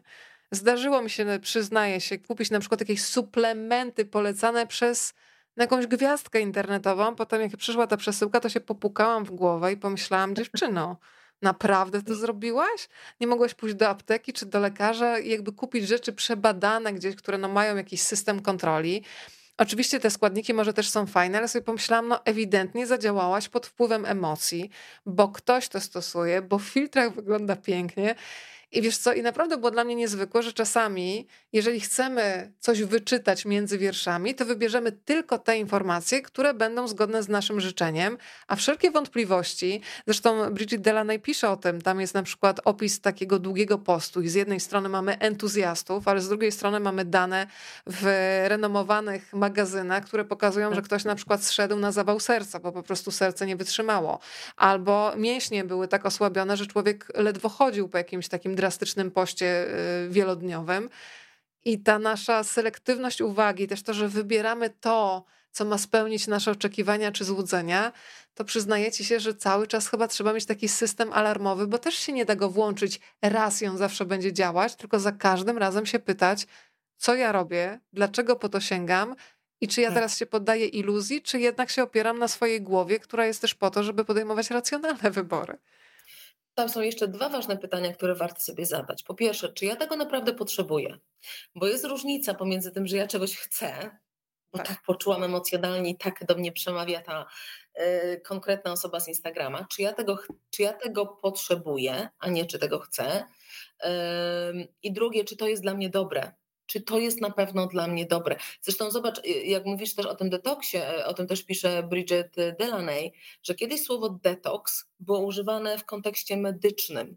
Detoks był e, wykorzystywany w stosunku do osób uzależnionych od alkoholu, od narkotyków i to była procedura medyczna, która miała te, tych, tych ludzi, te osoby uzależnione przywrócić do zdrowia. W tej chwili słowo detoks weszło do mainstreamu. Teraz mamy wiosnę i te, teraz też jesteśmy bombardowani detoksami różnego rodzaju, bo to jest świetny moment, żeby zrobić detoks organizmu. Tymczasem, jeśli mamy prawidłowo funkcjonujący organizm i zdrowe narządy, to on naprawdę świetnie potrafi ten temat sam, sam zagospodarować. Natomiast wracając właśnie do tego, o czym Ty mówisz, ja też widzę tutaj duże niebezpieczeństwo w tych osobach, które są popularne, które cieszą się popularnością, które cieszą się zaufaniem swoich odbiorców i bardzo często proponują nam różnego rodzaju, nie wiem, suplementy, leki, rozwiązania, które my bezrefleksyjnie kupujemy, a przecież dla tych osób bardzo często jest to po prostu jedna z form prowadzenia działalności biznesowej. Nawet nie zdajemy sobie sprawy, że być może te osoby, które reklamują pewne suplementy, być może nawet w ogóle ich nie stosują, być może w ogóle ich nie używają, ale są tak przekonywujące w opowiadaniu o tym, że my to kupujemy. Jednym z powodów jest to, o czym rozmawiałyśmy, to, że chcemy szybkich rozwiązań, my chcemy natychmiastowych rozwiązań, my chcemy natychmiastowych efektów i gdzieś, wiesz, dajemy się uwieść tej iluzji, że jeśli zrobimy to, co powiedziała pani XYZ, to to, to nam z pewnością pomoże. To Ale będzie tak szybkie, samo... ona już to sprawdziła, więc jakby na nas też na pewno to zadziała. E, Bridget Delaney też pokazuje, że jakby biznes takich, nazwijmy to, naprawiaczy ciał i umysłów cały czas się rozrasta. Tak. Mamy osoby, które są do tego przygotowane, mają certyfikaty, mają skończone studia, mają cykle różnego rodzaju szkoleń, mają ogromne doświadczenie, no ale jest też mnóstwo takich osób, powiedziałabym, samozwańczych, które nagle się określają. E, znaczy, przerażające jest dla mnie w Polsce, że pewne zawody w ogóle nie są unormowane, to znaczy nie ma jasne, jasnych wytycznych, jakie tak. wykształcenie trzeba mieć, żeby pewne e, funkcje pełnić. I tutaj też ta, ta skłonność nasza do iluzji powoduje, że bardzo często wierzymy po prostu na ślepo i niesamowite jest, jak się człowiek zatrzyma, że oddajemy w czyjeś ręce tak naprawdę najcenniejszą rzecz, czyli nasze życie i zdrowie. No to nie mhm. jest kwestia e, pożyczenia komuś książki, najwyżej wróci albo nie wróci zniszczona, e, tylko to jest zaufanie no, w najważniejszej kwestii. Ja przypomnę, że, że Wellmania była pisana w roku 2015 i 2016 E, jesteśmy w roku 2023 i tak jak mówiłaś, mimo że to jest rzeczywistość dotycząca Australii i Stanów Zjednoczonych, to mam wrażenie, że jest jeszcze więcej przebodźcowania i jeszcze więcej tak. takich różnego rodzaju instytucji, które nas mamią z każdej strony. Ja mam dla ciebie najlepsze rozwiązanie. Wiesz, y, oprócz przebodźcowania, no my jesteśmy też bardzo mocno doświadczeni ostatnimi latami, tak? Lata pandemii, bardzo zdewastowały nasz dobrostan e, i nasze zdrowie psychiczne, co niestety też pokazują statystyki. Wojna, która toczy się za naszą granicą, jest kolejnym elementem, e, więc ja myślę sobie, że my też jesteśmy mocno, wiesz, nasączeni niepokojem, lękiem, obawą, ale też zagubieniem. Więc wiesz, z jednej strony pewnie możemy to zrozumieć, że człowiek zagubiony, pogubiony chwyta się różnych rozwiązań, szuka, szuka wszędzie, gdzie może. Ale myślę sobie, że też, e, no właśnie, to o czym też mówiłyśmy, to taka uważność na siebie, bycie w kontakcie ze sobą jest chyba takim mm, taką mam nadzieję, takim gwarantem zachowania takiego zdrowego rozsądku i, i, i, oglądu tej całej sytuacji. Bo emocje mogą nas popchnąć do różnych decyzji, ale mm, jeśli będziemy, zresztą w ogóle, jeśli będziemy tylko polegać na emocjach albo tylko polegać na racjonalnym myśleniu, to ja zawsze mówię, że to jest trochę takie przeżywanie życia, tak jakbyśmy, wiecie, patrzyli przez jedno oko. Czyli albo patrzę przez tą soczewkę rozumu, albo patrzę przez tą soczewkę emocji one zawsze będą mi pokazywały, jeśli opieram się tylko na jednej z nich, jakiś fragment życia. Im szersza jest ta nasza perspektywa, im większa jest nasza samoświadomość, im większej uważności jesteśmy na siebie, im lepiej potrafimy połączyć to, co podpowiada nam głowa, emocje, brzuch, intuicja, e, tym myślę, że właściwszych wyborów dokonujemy, bo mamy jakby więcej perspektyw. I, i zawsze takie, wiecie, jednotorowe patrzenie na różne sytuacje w życiu, no, jest takim ubogim patrzeniem, które pozbawia nas szans dostrzeżenia chociażby różnych zagrożeń związanych z tym, o czym ty mówiłaś. Więc ja zawsze zachęcam do takiego mm, refleksyjnego spojrzenia na te swoje decyzje. E, takim dobrym, bardzo prostym sposobem, mm, tam gdzie tak mocno nas pchają emocje, jest odłożenie na chwilę tej decyzji, bo też decyzja podejmowana w silnych emocjach często bywa błędną decyzją. Ja często mówię o takim syndromie Scarlett O'Hara. Scarlett O'Hara, jak oglądaliście Przeminęło z wiatrem, mówiła pomyśl o tym jutro. I to jest naprawdę doskonały sposób, bo kiedy jesteśmy w silnych emocjach, to one nas czasami gdzieś sprawiają, że my dryfujemy nie w tym kierunku, w którym byśmy chcieli. Jak zostawimy ten temat i na spokojnie do niego wrócimy następnego dnia, to bardzo często mamy nieco inne spojrzenie, więc warto sobie też taki czas na podjęcie decyzji dać. To jest bardzo cenne. E, Michał pisze, a ja uwielbiam i biegać, i jeździć na rowerze, i chodzić. Oczywiście bieganie kosztuje najwięcej wysiłku, ale gdy sobie pomyślę o tym, że nogi mnie noszą, że jestem w stanie przez ułamek sekundy oderwać się od ziemi, faza lotu w bieganiu, że wysiłek, ból są jak trudne emocje, przychodzą i odchodzą. Osobiście polecam książkę Bieganie bez wysiłku. Połączenie tai chi i biegania, uważne bieganie naprawdę może być relaksujące, nawet bez haju biegacza. Dziękuję za to zdanie o tych nogach, które noszą. E, to ja trochę zmienię kontekst, y, ale też no, w sumie będziemy w tym dziale zdrowie i uroda. Pamiętam, że kiedyś stanęłam przed lustrem, krytycznie patrząc na swoje nogi, tu celulit, tu coś spuchnięte i w ogóle tak stoję i tak sobie ładuję, jak jest źle. I nagle mówię stop, stop, stop. Do ilu fantastycznych miejsc te nogi właśnie te, takie, a nie inne zaniosły. I od tamtej pory staram się właśnie tak myśleć, że dążenie do ideału to jest naprawdę coś, co może spowodować tylko zadyszkę, bo nie ma takiej hmm. szansy. Nawet jak naprawimy jedno, to za chwilę się sypnie drugie i mam wrażenie, i to też podkreślają teraz psycholodzy, że takie skupienie się na tym ciele, cielesności tylko i wyłącznie, to jest ślepa uliczka, bo y, ludzie osiągają te swoje cele, kolejne operacje, ale mają w sobie coraz większą pustkę, bo to jest tak naprawdę coś, czego my nie jesteśmy w stanie nakarmić. Jeżeli cały czas mamy do siebie jakieś ale, no to ta lista poprawek będzie niekończąca się, e, a pustka coraz większa, ta dziura do wypełnienia. No tak, ale tutaj wiesz co, znowu wracamy do tego pytania, no właśnie, co, co to poprawianie urody ma mi załatwić? W jakim celu ja to robię, tak. nie?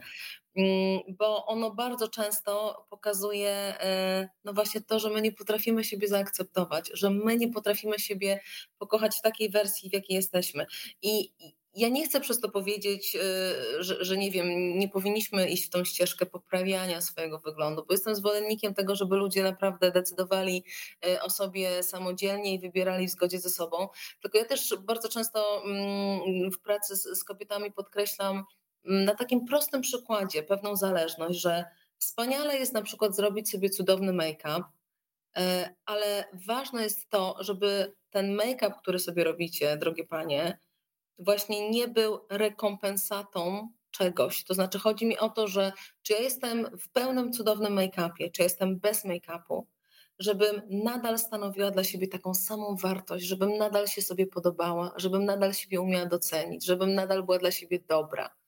E, I wtedy, czy ja będę w takiej wersji, czy będę w wersji glamour, czy będę w dresie, czy będę w pełnej jakiejś takiej energii swojej i przebojowości, czy będę w słabszym dniu i z tym zasmarkanym nosem, bo coś trudnego się stało, żebym ja cały czas miała, bo to, wiecie, to jak my siebie postrzegamy i jak my o sobie myślimy, jest w naszych głowach i w naszych sercach. To nie zależy od tego, y, ile ważymy, jak wyglądamy, jak jesteśmy ubrane, czy mamy zmarszczki, czy nie mamy zmarszczek. To w ogóle nie o to chodzi. I wiedzą to wszystkie kobiety, które gdzieś tam są już po kolejnych, y, po kolejnych dążeniach do perfekcyjnego wyglądu, a nadal tej samoakceptacji nie ma, bo to nie od tego w ogóle zależy, więc, więc ważne, żeby o tym pamiętać.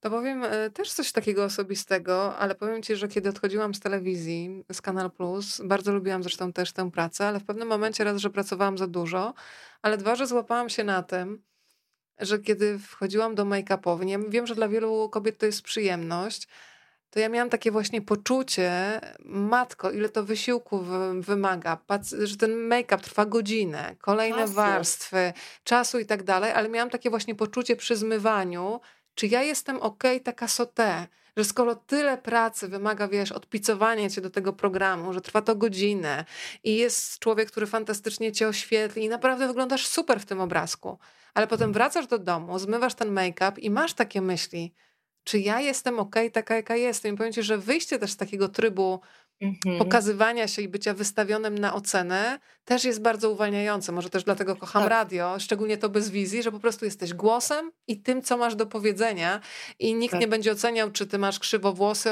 odstające, czy masz ucho odstające, cokolwiek, tylko jest ten twój przekaz i myślę, że to też jest coś, co jest bardzo uwalniającego, że znowu możesz być tym, co jest w środku, a, tak. a cała reszta jest kompletnie drugoplanowa. Ale wiesz, ale to też bywa uzależniające, bo często właśnie no, tak. no, to, to, o czym mówiłaś, nie? że jeśli, jeśli e, wykonujemy taką, taką pracę, która też no, mocno osadzona jest na naszym wyglądzie, to my faktycznie później mamy taką trudność, żeby pozwolić sobie właśnie na to bycie sote na to bycie no, taką właśnie naturalną, prostu, taką jaką tak. jestem, że przecież to nadal jestem ja, e, więc to faktycznie może być trudne, ale jeszcze e, przypomniała mi się taka, taki cytat, jak ty mówiłaś o tym stawaniu przed lustrem, że tam tu za dużo, tu, tu celulit i tak dalej, to tak. przypomina mi się taki cytat z profesora Osiatyńskiego, który mówił, że człowiek codziennie rano tak. powinien wstać, stanąć przed lustrem, zrobić przedziałek i no nie będę tu przeklinać, bo jeszcze nie ma 22, więc powiem odczepić się od siebie. Tak. I myślę, że to jest też taka, to jest też taka lekcja i taka nauka, że, że my naprawdę tak, tak dużo od siebie wymagamy, a przecież zmagamy się z tyloma tematami, z tyloma sprawami sobie radzimy, potrafimy być takie dzielne i tacy dzielni. Um, i naprawdę warto, warto, warto uczyć się tego zaprzyjaźniania się ze sobą. I, e, I czasami życie nam tak dowala z różnych stron, więc my już sobie tego nie róbmy, naprawdę, bo, mm, bo mówiąc o tym dobrym życiu, to myślę, że też jednym z jego elementów jest bycie w takiej dobrej relacji ze sobą, bo jeśli my się ze sobą nie poukładamy, to i ciężko będzie nam tworzyć dobre relacje z innymi, czy w tej sferze prywatnej, czy w sferze zawodowej. Ciężko będzie nam w ogóle cieszyć się życiem, bo cały czas będziemy mieli w sobie takie poczucie jakiegoś niedosytu, niespełnienia, nieadekwatności, że mogłoby być lepiej, że ja mogłabym lepiej wyglądać, że, że, że, że tysiąc rzeczy by się lepiej działo. Więc myślę sobie, że, że mm, też y, w nawiązaniu do tej książki, która jednak mocno pokazuje takie skupienie się na tym, co zewnętrzne, myślę sobie, że dobre życie jest też takim pamiętaniem o tym, że, że tutaj to nasze wnętrze też potrzebuje naszej uwagi, czasu, atencji i zauważenia. Powiem ci, że ja mam wrażenie, że czasami, szczególnie to dotyczy kobiet, same się wpuszczamy w taką opresję, jakby w pułapkę, bo y, oczywiście ja też tak jak ty uważam, że nie ma nic złego i to jest fajne, kiedyś można odpicować, ktoś ci zrobi profesjonalny tak. make-up. Potrafię się tym cieszyć, to jest świetne. Tak. Ale też widzę, że i rozmawiam z wieloma kobietami, część z nich jakby przyzwyczajona, że nie pokazuje się nigdy inaczej niż bez filtra na Instagramie. W sytuacji, kiedy ma wejść do ludzi, są sparaliżowane strachem, czy one sprostają temu wizerunkowi, które same stworzyły. I to są, wiesz, drobne rzeczy, że mhm. nagle widzisz człowieka i normalne, że widzisz na przykład pory jego skóry. Na tak. filtrze tak. masz po prostu jakąś e, płaską powierzchnię gładką i widzę, że tak. to jest coś, że jakby same zastawiamy na siebie te pułapki, e, a te, które nie wiem, na co dzień się pokazują, są te po prostu nie mają, że to jest do tego stopnia, że niektórzy się zamykają wręcz w domu, bo tak bardzo się boją tego, co stworzyli, jeżeli taki chodzi o eksportowy wizerunek, więc e, Czasami to, no, można to nawet etapami, to nie? To jest tak. bardzo niebezpieczne i to jest też taka, wiesz, czerwona lampka, która powinna nam się e, zapalić, nie? Czy, czy, czy, gdzieś już te proporcje nie zostały przekroczone, czy gdzieś już te granice nie zostały przekroczone. E, wiesz, w książce jest taki, taki piękny fragment, w którym Bridget Delaney pisze o tym, że kiedy ona mm, tak szybko, w bardzo krótkim czasie straciła tam kilka czy kilkanaście tak. kilogramów, tak. to miała taki moment, że, że wiesz, rano wstając, e, patrząc na siebie, miała wrażenie, że w ogóle że to nie jest jej ciało, że to nie jest ona. ona Mam fragment, tak... ten, o którym no mówisz, bo tam jest, czy to mój nowy kształt na zawsze, czy coś pożyczonego. Czuję się zarazem budynkiem i mieszkańcem, jestem burzona i odbudowywana, a mhm. jednocześnie próbuję mieszkać w domu burzonym wokół mnie. Tak, no właśnie. I to jest też to, że, że, że my gdzieś. Yy, to jest też taki wskaźnik, nie? Jeśli ja w tej zmianie wizerunku, wyglądu nie czuję się sobą, czuję się w jakimś przebraniu. Tak samo może być z make-upem. Wiesz, no, ktoś może ci zrobić przepiękny make-up, ale ty na przykład czujesz patrzysz w lustro i wiesz, kurde, nie, no nie poznaję siebie, to w ogóle nie to jestem nie ja. ja. Tak. E, I myślę sobie, ja na przykład jestem bardzo na, na, na tym punkcie wyczulona, bo, bo miałam mhm. kilka takich sytuacji, kiedy faktycznie gdzieś mnie ktoś pomalował w jakiejś takiej sytuacji właśnie um, wy, wywiadowej i, i, ja później mówię, Boże, Boże, to w ogóle, znaczy no piękny make-up, ale to w ogóle ja się w tym nie czułam dobrze. Mhm. I myślę sobie, że, że, że, że właśnie to są też takie sygnały, nie? Że, że kurczę, czy to jestem nadal ja? Czy ja się z tym identyfikuję? Czy to jest historia o mnie? Czy ja właśnie wchodzę w jakąś rolę, zakładam jakąś maskę, odgrywam kogoś, kim nie jestem? E, I też chyba takim zdaniem, ja się sama też na nim e, złapałam, i to jest też obecne, może nie nazwane wprost, ale w tej całej narracji Bridget Delaney, czyli taki ciąg zdarzeń, jest fajnie, tak. jest fajnie, kręcisz się na karuzeli, ale wiemy, że jak się człowiek za długo kręci na karuzeli, czym to się kończy.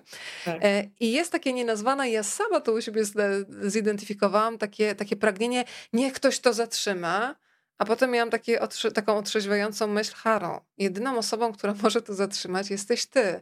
Czyli, że tak. jest w nas też takie pragnienie, żeby takie trochę dziecięce, żeby ktoś za nas podjął decyzję, zatrzymał ten kołowrotek, powiedział stop, już więcej nie pracujesz, tylko że tak naprawdę takim osobą decyzyjną tutaj w środku to jest tylko ta pani, ten pan i każdy z nas, kto tutaj siedzi. Ale jak pięknie, że o tym powiedziałaś, bo właśnie to hasło niech to ktoś zatrzyma jest też takim przykładem oddawania odpowiedzialności za to swoje życie. No niech ktoś za mnie zadecyduje, że jednak za dużo pracuję. Tak. Albo niech ktoś, niech ktoś y, za mnie zadecyduje, że jednak powinnam nauczyć się odpoczywać. No myślę sobie, że też takim elementem zdrowej, dobrze pojętej dorosłości jest właśnie branie odpowiedzialności za to swoje życie, ale też znajdowanie przestrzeni i czasu na to, co jest dla nas ważne. Że jeśli my się gdzieś zagalopujemy w tym życiu, to przecież to my potrzebujemy powiedzieć sobie właśnie stop, wracamy, za daleko pobiegłam to już mi nie sprawia przyjemności, albo to mnie wyniszcza, albo to mnie frustruje, albo, um, albo płacę za to jakimś, jakąś bezsennością, albo zdrowiem, albo nie wiem, kolejną rozsypaną relacją, bo gdzieś się w tym wszystkim pogubiłam, bo jestem w jakimś chaosie, bo jestem w jakimś nadmiarze. I, słuchajcie, prawda jest taka, że um, mówiąc o dobrym życiu, zresztą Bridget Delaney też o tym pisze, że E, że to jest taki projekt, słuchajcie, nad którym potrzebujemy się pochylić codziennie jest takie świadome przechodzenie przez każdy dzień i obserwowanie właśnie, jak ja żyję, do czego mnie te moje wybory prowadzą, do czego mnie ten mój pracoholizm prowadzi, albo do czego mnie ten mój e, jakiś taki hedonistyczny, łapczywy styl życia prowadzi, nie? Żeby, żeby właśnie zobaczyć to trochę z takiej, z takiej perspektywy, co będzie dalej, co tam może być za tym zakrętem, jeśli ja się nie zatrzymam, jeśli na tej karuzeli będę się cały czas kręcić. A poza tym, wiesz, Weronika, jest jeszcze jedna rzecz, która mi się teraz skojarzyła z tą, z tą metaforą karuzeli, bo ta karuzela jest jakimś obłędnym pośpiechem. Bridget Delaney pisze o tej ekstremalnej bieżni. A tak. mnie się przypomina cytat z Ryszarda Kapuścińskiego, który pisał, że ten pośpiech, ta gonitwa nas odczłowiecza. Mhm. Że my gdzieś tracimy w tym wszystkim swoje człowieczeństwo. Że to jest takie, no właśnie, zobaczcie, ile my tracimy, że, że, że, że będąc w tym pośpiechu, tak wiele rzeczy nam umyka, tak wielu ważnych spraw nie zauważamy, nie znajdujemy czasu na istotne dla nas rzeczy. Więc znowu wracamy do tego pytania, co ja chcę zrobić z tym czasem, który jest mi tu dany? Jak ja chcę go przeżyć? Ja, Kiedy to musi być moja decyzja, bo każdy z nas zadecyduje inaczej, bo co innego jest dla nas ważne, ale właśnie ta zdrowa dorosłość oznacza wzięcie odpowiedzialności, że tak, ja biorę odpowiedzialność za moje dobre życie, ja biorę odpowiedzialność za moje szczęście, ja biorę odpowiedzialność za moje wybory i ja zatrzymuję tą karuzelę, bo czujesz, że za chwilę bardzo źle to się dla mnie skończy. Wiesz co, kiedy powiedziałaś to słowo pośpiech, to uzmysłowiłam sobie, że użyłam nawet takiego sformułowania w książce o Lizbonie, które jest dla mnie takim miejscem zatrzymania. Kiedy już czuję, że przegrzałam system, to tam ładuję akumulatory. I napisałam sobie w jednym z felietonów, y, że nie mam czasu na pośpiech, paradoksalnie, że tam właśnie złapałam się na tym, że można siedzieć w tym samym miejscu trzy godziny i mieć z tego więcej frajdy, znając tę przestrzeń, tak. niż zaliczać kolejne punkty zwiedzania, czyli taki korporacyjny plan wersji wakacyjnej. Zrozumiałam, dlaczego tak. jestem zmęczona. E, I tam też e, pamiętam, że kiedyś Kinga Dębska mi uświadomiła, jak przeinaczyliśmy na przykład słowo gapa, bo rozmawiałyśmy, z czym nam się kojarzy słowo gapa. No to mhm. pytanie do Państwa. No, ja miałam bardzo pejoratywne skojarzenia. No, no taka gapa, gapa taka nieparatna, nie? nie? Taka, taka ciapa. ciapa. Mhm. A potem sobie pomyślałam, a gdybyśmy pomyśleli o tym, czym jest zagapianie się. I to już mhm. się zmieniła kompletnie perspektywa, bo zagapianie polega na tym, że zawieszasz wszystkie swoje dotychczasowe plany. Jesteś w stanie odrzucić je na bok, bo coś cię tak zachwyciło, zafascynowało, że tak. nagle jesteś cała w tej sytuacji. Pomyślałam sobie, wznoszę toast za wszystkie gapy świata, bo jest to jeden z takich momentów, że ty się potrafisz zatrzymać. I stawiasz mm. na ten moment i wiesz, że on cię karmi, więc cała reszta może poczekać. Naprawdę świat się nie zawali od tego, że się spóźnisz gdzieś nawet na ważne spotkanie kwadrans, ale to jest ten moment e, takiego zakorzenienia w ciele. Zresztą Bridget y, Delaney też pisze bardzo mocno o tym, jak rzadko my mieszkamy w swoich ciałach. Że my mm -hmm. jesteśmy, okej, okay, ktoś nas postrzega jako osobę cielesną, ale my cały czas jesteśmy myślami gdzieś indziej i nie tak. czujemy swoich stóp, nóg i rąk, prawda? Ale jak pięknie powiedziałaś o tym zagapianiu się i dziękuję, że też podzieliłaś się tą perspektywą. To ja, ja od dzisiaj chcę być taką gapą i będę już zupełnie inaczej na to patrzyła. Zakładam Ale klub. Tak. Ale wiesz, tak sobie jeszcze pomyślałam właśnie o tym pośpiechu, nie? że zobaczcie, mm, że w pośpiechu jest też coś takiego bardzo powierzchownego, nie? bo jak żyjemy w pośpiechu, to my tak żyjemy, my się tak śliskamy po powierzchni. Tam nie ma czasu, żeby zejść głębiej, tam nie ma czasu właśnie na to zagapienie się, na to delektowanie się, na to cieszenie się, na doświadczanie przyjemności. Pośpiech jest jakąś taką taką powierzchownością i takim ślizganiem się dalej, dalej, dalej, takie odhaczanie. E, I myślę, że my już też jesteśmy tym zmęczeni, bo to nam nie daje te, tego sensu i tej głębi, której, której poszukujemy no to zagapianie jest pięknym, ale patrz, zagapianie się też może być elementem odpoczywania, Weronika. Tak. No Więc to tutaj tak praktykuję. odpoczywanie, że ja się będę teraz zagapiać. Wiesz co, przyszła mi do głowy dziewczynka, którą ostatnio spotkałam na spacerze i pomyślałam, że matko chce być jak ta mała Patrycja, bo zmierzała gdzieś ze szkoły do domu. Miała taki azymut, wiesz, bardzo konkretny i nagle zobaczyła mnie z psem. Kompletnie zmieniła kierunek. Podeszła i mówi, czy ja mogę pogłaskać pieska. Ja o. mówię, wiesz co, może być problem, bo ona jest strasznie szybka, ale możesz jej porzucać piłkę, może tak się... Dobra, porzucała, porzucała, powiedziała, że musi już iść do babci, bo czeka babcia z obiadem, ale zachwyciło mnie absolutnie to, że ona kompletnie zmieniła swoją trajektorię ruchu właśnie po to, żeby mhm. sobie dać tę małą przyjemność, że podejść do w ogóle tak. kompletnie obcej kobiety i psa. Pomyślałam, chcę być taką małą Patrycją, bo zdążyłam wymienić się imionami z nią i pomyślałam, to jest sposób na dobre życie, więc drodzy Państwo, zakładam oficjalnie klub GAP, Będą legitymacje członkowskie. Jeżeli ktoś chce tutaj zgłosić akces, to bardzo proszę. Ja, ja Eryk się napisał. do tego klubu, już widzę, że tutaj też y, pani Wanda też się zapisuje, więc o. Y, stworzymy klub GAP. Cudowny GAP. E, Eryk z Kapsztadu, Ryszard Kapuściński bodajże w Hebanie napisał, w Europie macie zegarki, a my w Afryce mamy czas. I Agnieszka jeszcze cytuje fantastyczną panią Danutę Szaflarską, do czego się śpieszę, przecież na końcu jest śmierć. Pora nauczyć się zwalniać, cieszyć się chwilą.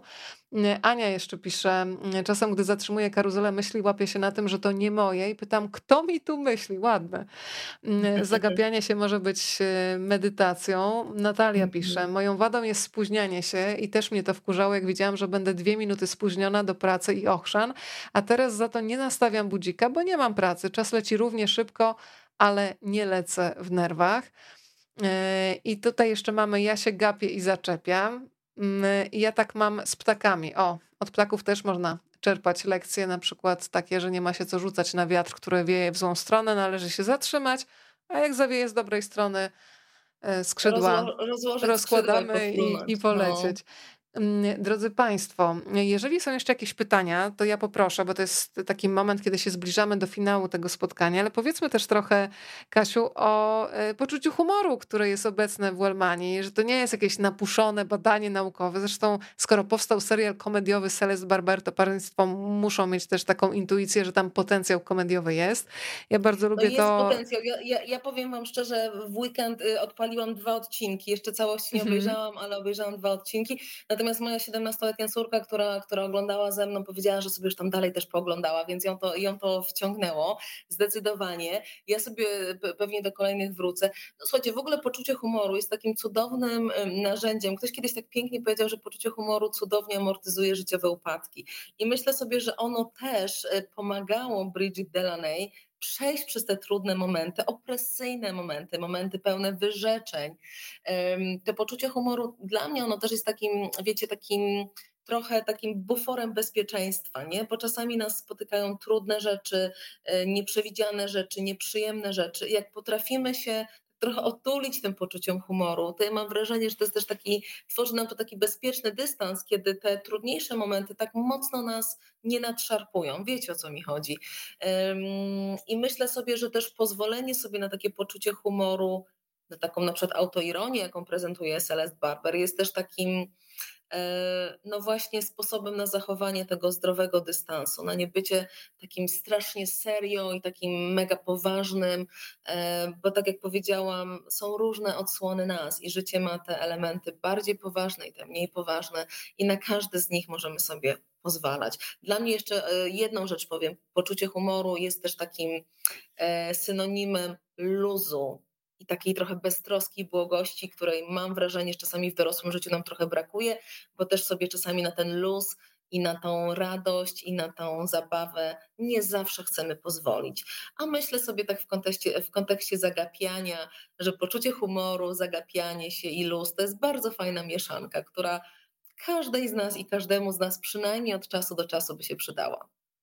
E, państwo tutaj piszą, że też zaczęli oglądanie serialu. Ja powiem Ci szczerze, że myślałam, że też będzie trochę może w serialu więcej takich list dialogowych. Czasami mam wrażenie mhm. po pierwszych dwóch odcinkach, że trochę jest za dużo takiej waty, że tam jeszcze mhm. więcej jakby jest, że jest więcej mięsa w książce. Też trochę, tak. oczywiście, że musi być tak. różnica e, pomiędzy serialem e, a książką, ale też widzę na jakie wątki postawiono. Tam pewnie też zmieniono trochę. Jestem dopiero tak. na drugim odcinku, więc nie wiem, co się wydarzy. E, ale jeszcze bym to trochę zagęściła takimi dialogami, bo tam tych tekstów, które ona w tej takiej narracji jednoosobowej w książce serwuje. No ale też nie ukrywam, że jestem fanką po prostu konta też instagramowego Celeste Barber, bo te tak. drobne filmiki, czyli zestawienie tego świata iluzji z codziennością jest czymś bardzo ciekawym.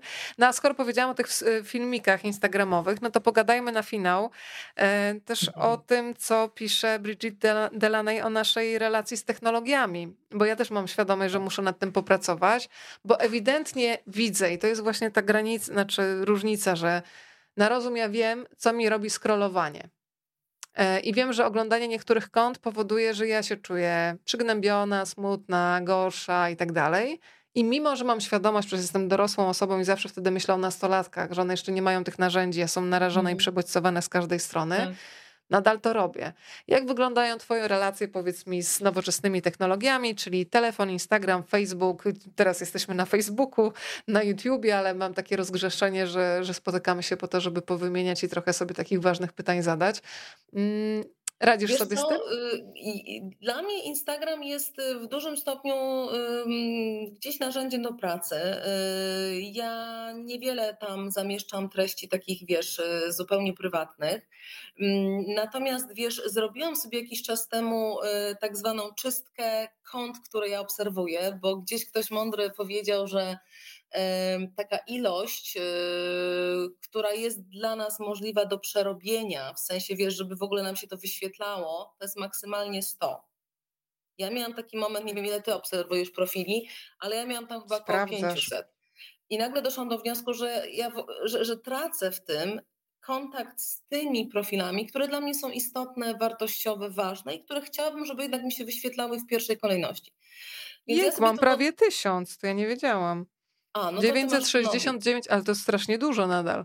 No więc ja słuchaj, obcięłam to do setki. Zrobię porządki. I teraz chyba zrobię jeszcze większą czystkę, bo faktycznie wiesz, zostawiłam sobie takie. Mm, profile, które y, albo dla mnie są inspirujące, bo mnie w jakimś aspekcie mm, edukują, ja lubię takie edukacyjne profile, albo profile, które mnie bardzo rozbawiają. I, i y, jednym z takich profili oczywiście jest, jest konto Celeste Barber, ale mam jeszcze inne takie, na które lubię zaglądać. One mnie w bardzo dobry nastrój wprawiają, bo, mają właśnie w sobie dużo tej autoironii, luzu i takiego dystansu, który ja uwielbiam. Y, natomiast powiem też szczerze, mówiłaś o tym, że, że scrollujesz i że czujesz się źle. Wiesz, no badania pokazują, że jednak te social media, zwłaszcza Instagram, bardzo mocno wpływają na nasze poczucie postrzegania siebie.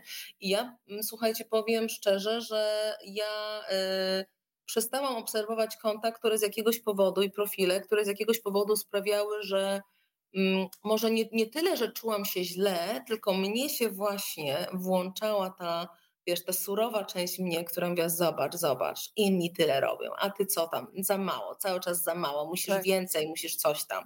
I ja po prostu, wiesz, potrzebowałam się od tego odłączyć, bo, bo tak jak mówię, mam takie tendencje do bycia takim swoim surowym, wiesz, zarządcą, na szczęście też ta czułość, której się uczę dosyć szybko, mi przypomina o tym, że ja mam córkę, którą samodzielnie wychowuję, że ja mam dwa psy, które, którymi potrzebuję się zacząć, że ja mam tysiąc innych zobowiązań. Ja nie mogę porównywać się z kimś, kto ma zupełnie inny styl życia i pewnych rzeczy, w które ja jestem w jakiś sposób zaangażowana, jest pozbawiony, ale był taki moment, że faktycznie mnie to gdzieś tak właśnie, tak jak ty mówiłaś o tym bieganiu, że tak ścigam ze sobą muszę więcej, więcej, to ja też taki miałam moment, że ja muszę więcej, więcej i w którymś momencie powiedziałam sobie, ale stop, ale to w ogóle nie, nie, ja tego nie potrzebuję. Więc ja zrobiłam sobie taką, taką czystkę i faktycznie mm, staram się wchodzić, y, wiesz, na Instagram wtedy, kiedy, kiedy mam coś do zakomunikowania albo kiedy ktoś do mnie coś pisze. Natomiast wykonuję też sporą pracę, żeby faktycznie tego swojego czasu tam za dużo nie oddawać, bo nie mam go w nadmiernej ilości, więc staram się to kontrolować. E, Małgosia napisała z Nysy, że jej serial nie zachwycił, bo za szybko, za głośno i za wiele naraz się dzieje. Moje wolno jest zakłócone i to też jest świetne, że e, kiedy potrafimy rozpoznać, że to jest dla mnie, a to nie jest dla mnie i ile osób, tak jak e, powiedziałam, pewnie tyle opinii. Słuchajcie, Ale ostatni moment... Przepraszam Cię, tak. słowo, ja też myślę, że to tempo tego serialu może trochę intencjonalnie Od, tak. oddawać tak. ten, ten jej styl życia, ten hedonizm, y, ten pęd, to przebodźcowanie, które w książce jest opisane, a tu musi być w jakiś taki taki dostępny sposób podane, tak sobie to wyobrażam. Tak. Tak, tak. Taką, taką właśnie lawinę zdarzeń, w której ona tak, tak naprawdę uczestniczy jako ta dziennikarka podróżująca, która z jednej strony ma szansę widzieć najpiękniejsze rejony świata, bo ona tam opisuje przepiękne miejsca, do których pewnie każdy chciałby dotrzeć, pod warunkiem, że mógłby tam odpocząć, a nie wpaść na chwilę, no wypaść, żeby opisać tak naprawdę. No właśnie i my e, jako widzowie możemy być zmęczeni tym tempem, ale właśnie ona też pokazuje, jak bardzo ona może być zmęczona tym swoim stylem życia. Dokładnie. Drodzy Państwo, obiecałyśmy książki, więc czas najwyższy się wywiązać z obietnicy. Dzisiaj sprawę za nas rozwiąże maszyna losująca, która za chwilę wybierze dwie osoby i zobaczymy, do kogo trafi książka. Wpisujecie tradycyjnie hashtag rozmawiam, bo lubię pod facebookowym kontem. Rozmawiam, bo lubię. Tak zasysa ten system komentarzy, więc jeżeli nas Państwo śledzą na przykład u Kasi y, Malinowskiej na Facebooku, czy na profilu Wielkiej Litery, to na chwilę proszę przeskoczyć tylko na rozmawiam, bo lubię. Po prostu tak działa ten system. Nie to, żebym chciała jakoś zmonopolizować ale zasysa tylko te komentarze, które tutaj się y, pojawią, więc od razu uprzedzam, jak to działa technicznie. Y, daję Państwu tutaj jeszcze minutkę y, na to, żeby się zorganizować z, z hashtagami. A Kasia, ja na finał Cię zapytam o takie ostatnie zachwyty Twoje książkowe, filmowe, muzyczne. Co Ci ostatnio wpadło w ucho, w oko, może jakiś człowiek? Możemy tutaj mówić z nazwiskami, bo o dobrych ludziach zawsze głośno i wyraźnie. Ojej, ale mnie zaskoczyłaś teraz tym pytaniem. Bardzo dobrze. Uch, e, wiesz co, co mnie zachwyciło książkowo? Wiesz co, y, Ostatnio mam trochę mniej czasu na czytanie tych książek, ale y, jestem w trakcie czytania Przędzy Natalii de Barbaro, o której tutaj wspomniałaś i powiem Ci szczerze, że tak z pewną nieśmiałością sięgałam po tę książkę, pamiętając, y, bardzo, bardzo żywa była we mnie jeszcze cały czas czuła przewodniczka i tak trochę, wiesz, będąc zachwycona czułą przewodniczką, zastanawiałam się, czy, ta, czy czytając Przędzę nie poczuję się rozczarowana, bo wiesz, czasami tak jest, nie? Yy, I i powiem szczerze, że y, przędza mnie bardzo y, zachwyca i tak się nią delektuję. I muszę, muszę ten fragment Dominika, najwyżej nie Dominika, Boże, przepraszam, Weronika. Dominika mam na trzecie, z porządku. No właśnie, bo chciałam powiedzieć a propos, a propos imion, jeśli, jeśli mm, Panie tak. czytałyście wszędzie, to tam jest taki fragment, w którym Natalia de Barbaro opisuje um, sytuację dotyczącą uczestniczki warsztatów, która w trakcie tworzenia kolażu nagle przypomniała sobie swoje drugie imię. To imię brzmiało Aleksandra i ona gdzieś przypomniała sobie, że w ogóle nie wracała do tego imienia, w tym imieniu jest zupełnie inna energia. I wiesz, wyobraź sobie, czytając ten fragment, ja nie mam drugiego imienia, ale mam imię, które wybrałam sobie do bierzmowania. Ale ona chyba pisała o Weronice, wiesz? Nie. Natalia Debar, nie? nie? Mi się wydaje, że ona pisała Aleksandrze, a ja mam właśnie, nie na, wybrałam już. sobie do bierzmowania, wyobraź sobie no. imię Weronika. I tak nagle też poczułam, że zupełnie inna energia jest w imieniu Weronika, a zupełnie inna energia jest w imieniu Katarzyna. Notabene ja nie cierpię tej wersji Katarzyna, bo dla mnie w, te, w, tej, w, tym, w tej formie imienia Katarzyna jest właśnie jakaś taka waleczność, taka siła. Twardość taka. Mhm. Tak, dlatego zawsze jak ktoś mnie gdzieś podpisuje, to mówię proszę Kasia, tylko nie Katarzyna, bo w ogóle nie utożsamiam się z, z tą formą imienia. Ale jak sobie przypomniałam o tej Weronice, to tak mi się jakoś, wiesz, ciepło na sercu zrobiło yy, i postanowiłam postanowiłam też e, częściej komunikować się z tą, z tą Weroniką, e, nie zapominać o niej, bo ona też ma w sobie wiele zalet, których e, Kasia nie ma i odwrotnie. I myślę sobie, że takie połączenie tych moich dwóch części, Kasi i Weroniki, daje mi równowagę, która jest mi niezbędna do dobrego życia. Podwójne życie Weroniki w takim razie dzisiaj również gdzieś przemknęło. To uruchamiamy tak. naszą maszynę losującą już teraz. Dwie osoby dzisiaj. Mm, wygrają książkę, co oznacza, że los się uśmiechnie do konkretnej osoby. Żeby mogła trafić w wasze ręce, to trzeba było dać szansę. Państwo już tutaj Proszę, pani Ania, brawa dla pani Ani, na rowerze zresztą tutaj na zdjęciu. A wiesz, ja znam tą Anię, my się tak? znamy. A to mhm. wspaniale. To e, rozumiem, że w dobre ręce trafiła książka. Bardzo dobre. Ania przychodziła do mnie, do mnie na warsztaty, kojarzę Anię. Pozdrawiam Łódź i Anię. To maszyna losująca, która jesteś w drugim pokoju, wymagasz jednak człowieka do uruchomienia. Ruszyła maszyna. I zaraz zobaczymy, do kogo się uśmiechnie los teraz. Do Piotrka, ależ się Ale cieszę. Piotr jest tutaj regularnie z nami. cudowna. Jest mężczyzna, tak. jest kobieta. Jest kobieta. Ale wspaniale. Słuchajcie, bardzo dziękuję za wspólny wieczór. E, tak jak wspominałam, połączyła nas książka Bridget Delaney Wellmania o niezdrowej pogoni za dobrostanem. Będziecie się uśmiechać czytając i tak jak powiedziała e, Kasia, są takie fragmenty tragikomiczne, że najpierw się śmiejemy, ale się szybko łapiemy na tym, że za tymi dążeniami no, często stoją nasze takie bardzo ważne tęsknoty, tylko trzeba znaleźć sposób na to, żeby te tęsknoty ukoić w takiej formie, która nam przyniesie oddech i ukojenie, a nie zapędzi nas w jakiś kozi róg, kiedy będziemy mieli wrażenie, że staramy się, staramy, a nic nie wychodzi. Niech każdy szuka drogi dla siebie. Można się posiłkować oczywiście cudzymi wskazówkami, ale cały czas jeszcze słuchać tego swojego wewnętrznego brzucha e, i słuchać, co nam ma do powiedzenia. Kasia Malinowska dzisiaj była razem z nami. Bardzo Ci, Kasiu, dziękuję e, za to spotkanie i mam nadzieję, nadzieję, że jeszcze nie raz, nie dwa nasze się ścieżki, ścieżki nasze się przetną. O tak. Bardzo, bardzo dziękuję. Tak jak Ci pisałam, powtórzę, to spotkanie z Tobą jest y, jednym z moich spełnionych zawodowych marzeń. E, to była ogromna przyjemność będę przeszczęśliwa, jeśli kiedyś będzie dane jeszcze nam się spotkać, może już w realu. Będę mocno za to trzymać kciuki, żeby tak się zdarzyło. Pięknie Ci dziękuję. Słuchaj, ja po prostu teraz cała płonę, bo jeżeli się okazuje, że mogę spełnić jakieś zawodowe marzenie, to w ogóle poczułam teraz super moc i będę się. Wiesz co, ostatnio ktoś mi powiedział, że był taki mem, chyba Maja, mm, Maja Sobczak mi powiedziała, że widziała taki obrazek, są takie dwa ludziki i jeden, nie powtórzę tego dokładnie, ale było, że, co że dostałam dużo dobra i co teraz z tym zrobić, że w ogóle nie wiesz, jak masz to pomieścić i ten ludzik mówi do drugiego, wcieraj to w siebie. Więc ja teraz wcieram i będę się po prostu tym delektować i polecam Państwu. Słuchaj, jeżeli... Maję sobie tak. też mam okazję, yy, miałam okazję poznać osobiście, wspaniała osoba. Yy, wiesz, to tak możemy się umówić na, na tą kawę i, i, i wspólnie i z Mają się tak pozagapiamy nad tą kawą. To jest o, tak. fajny pomysł.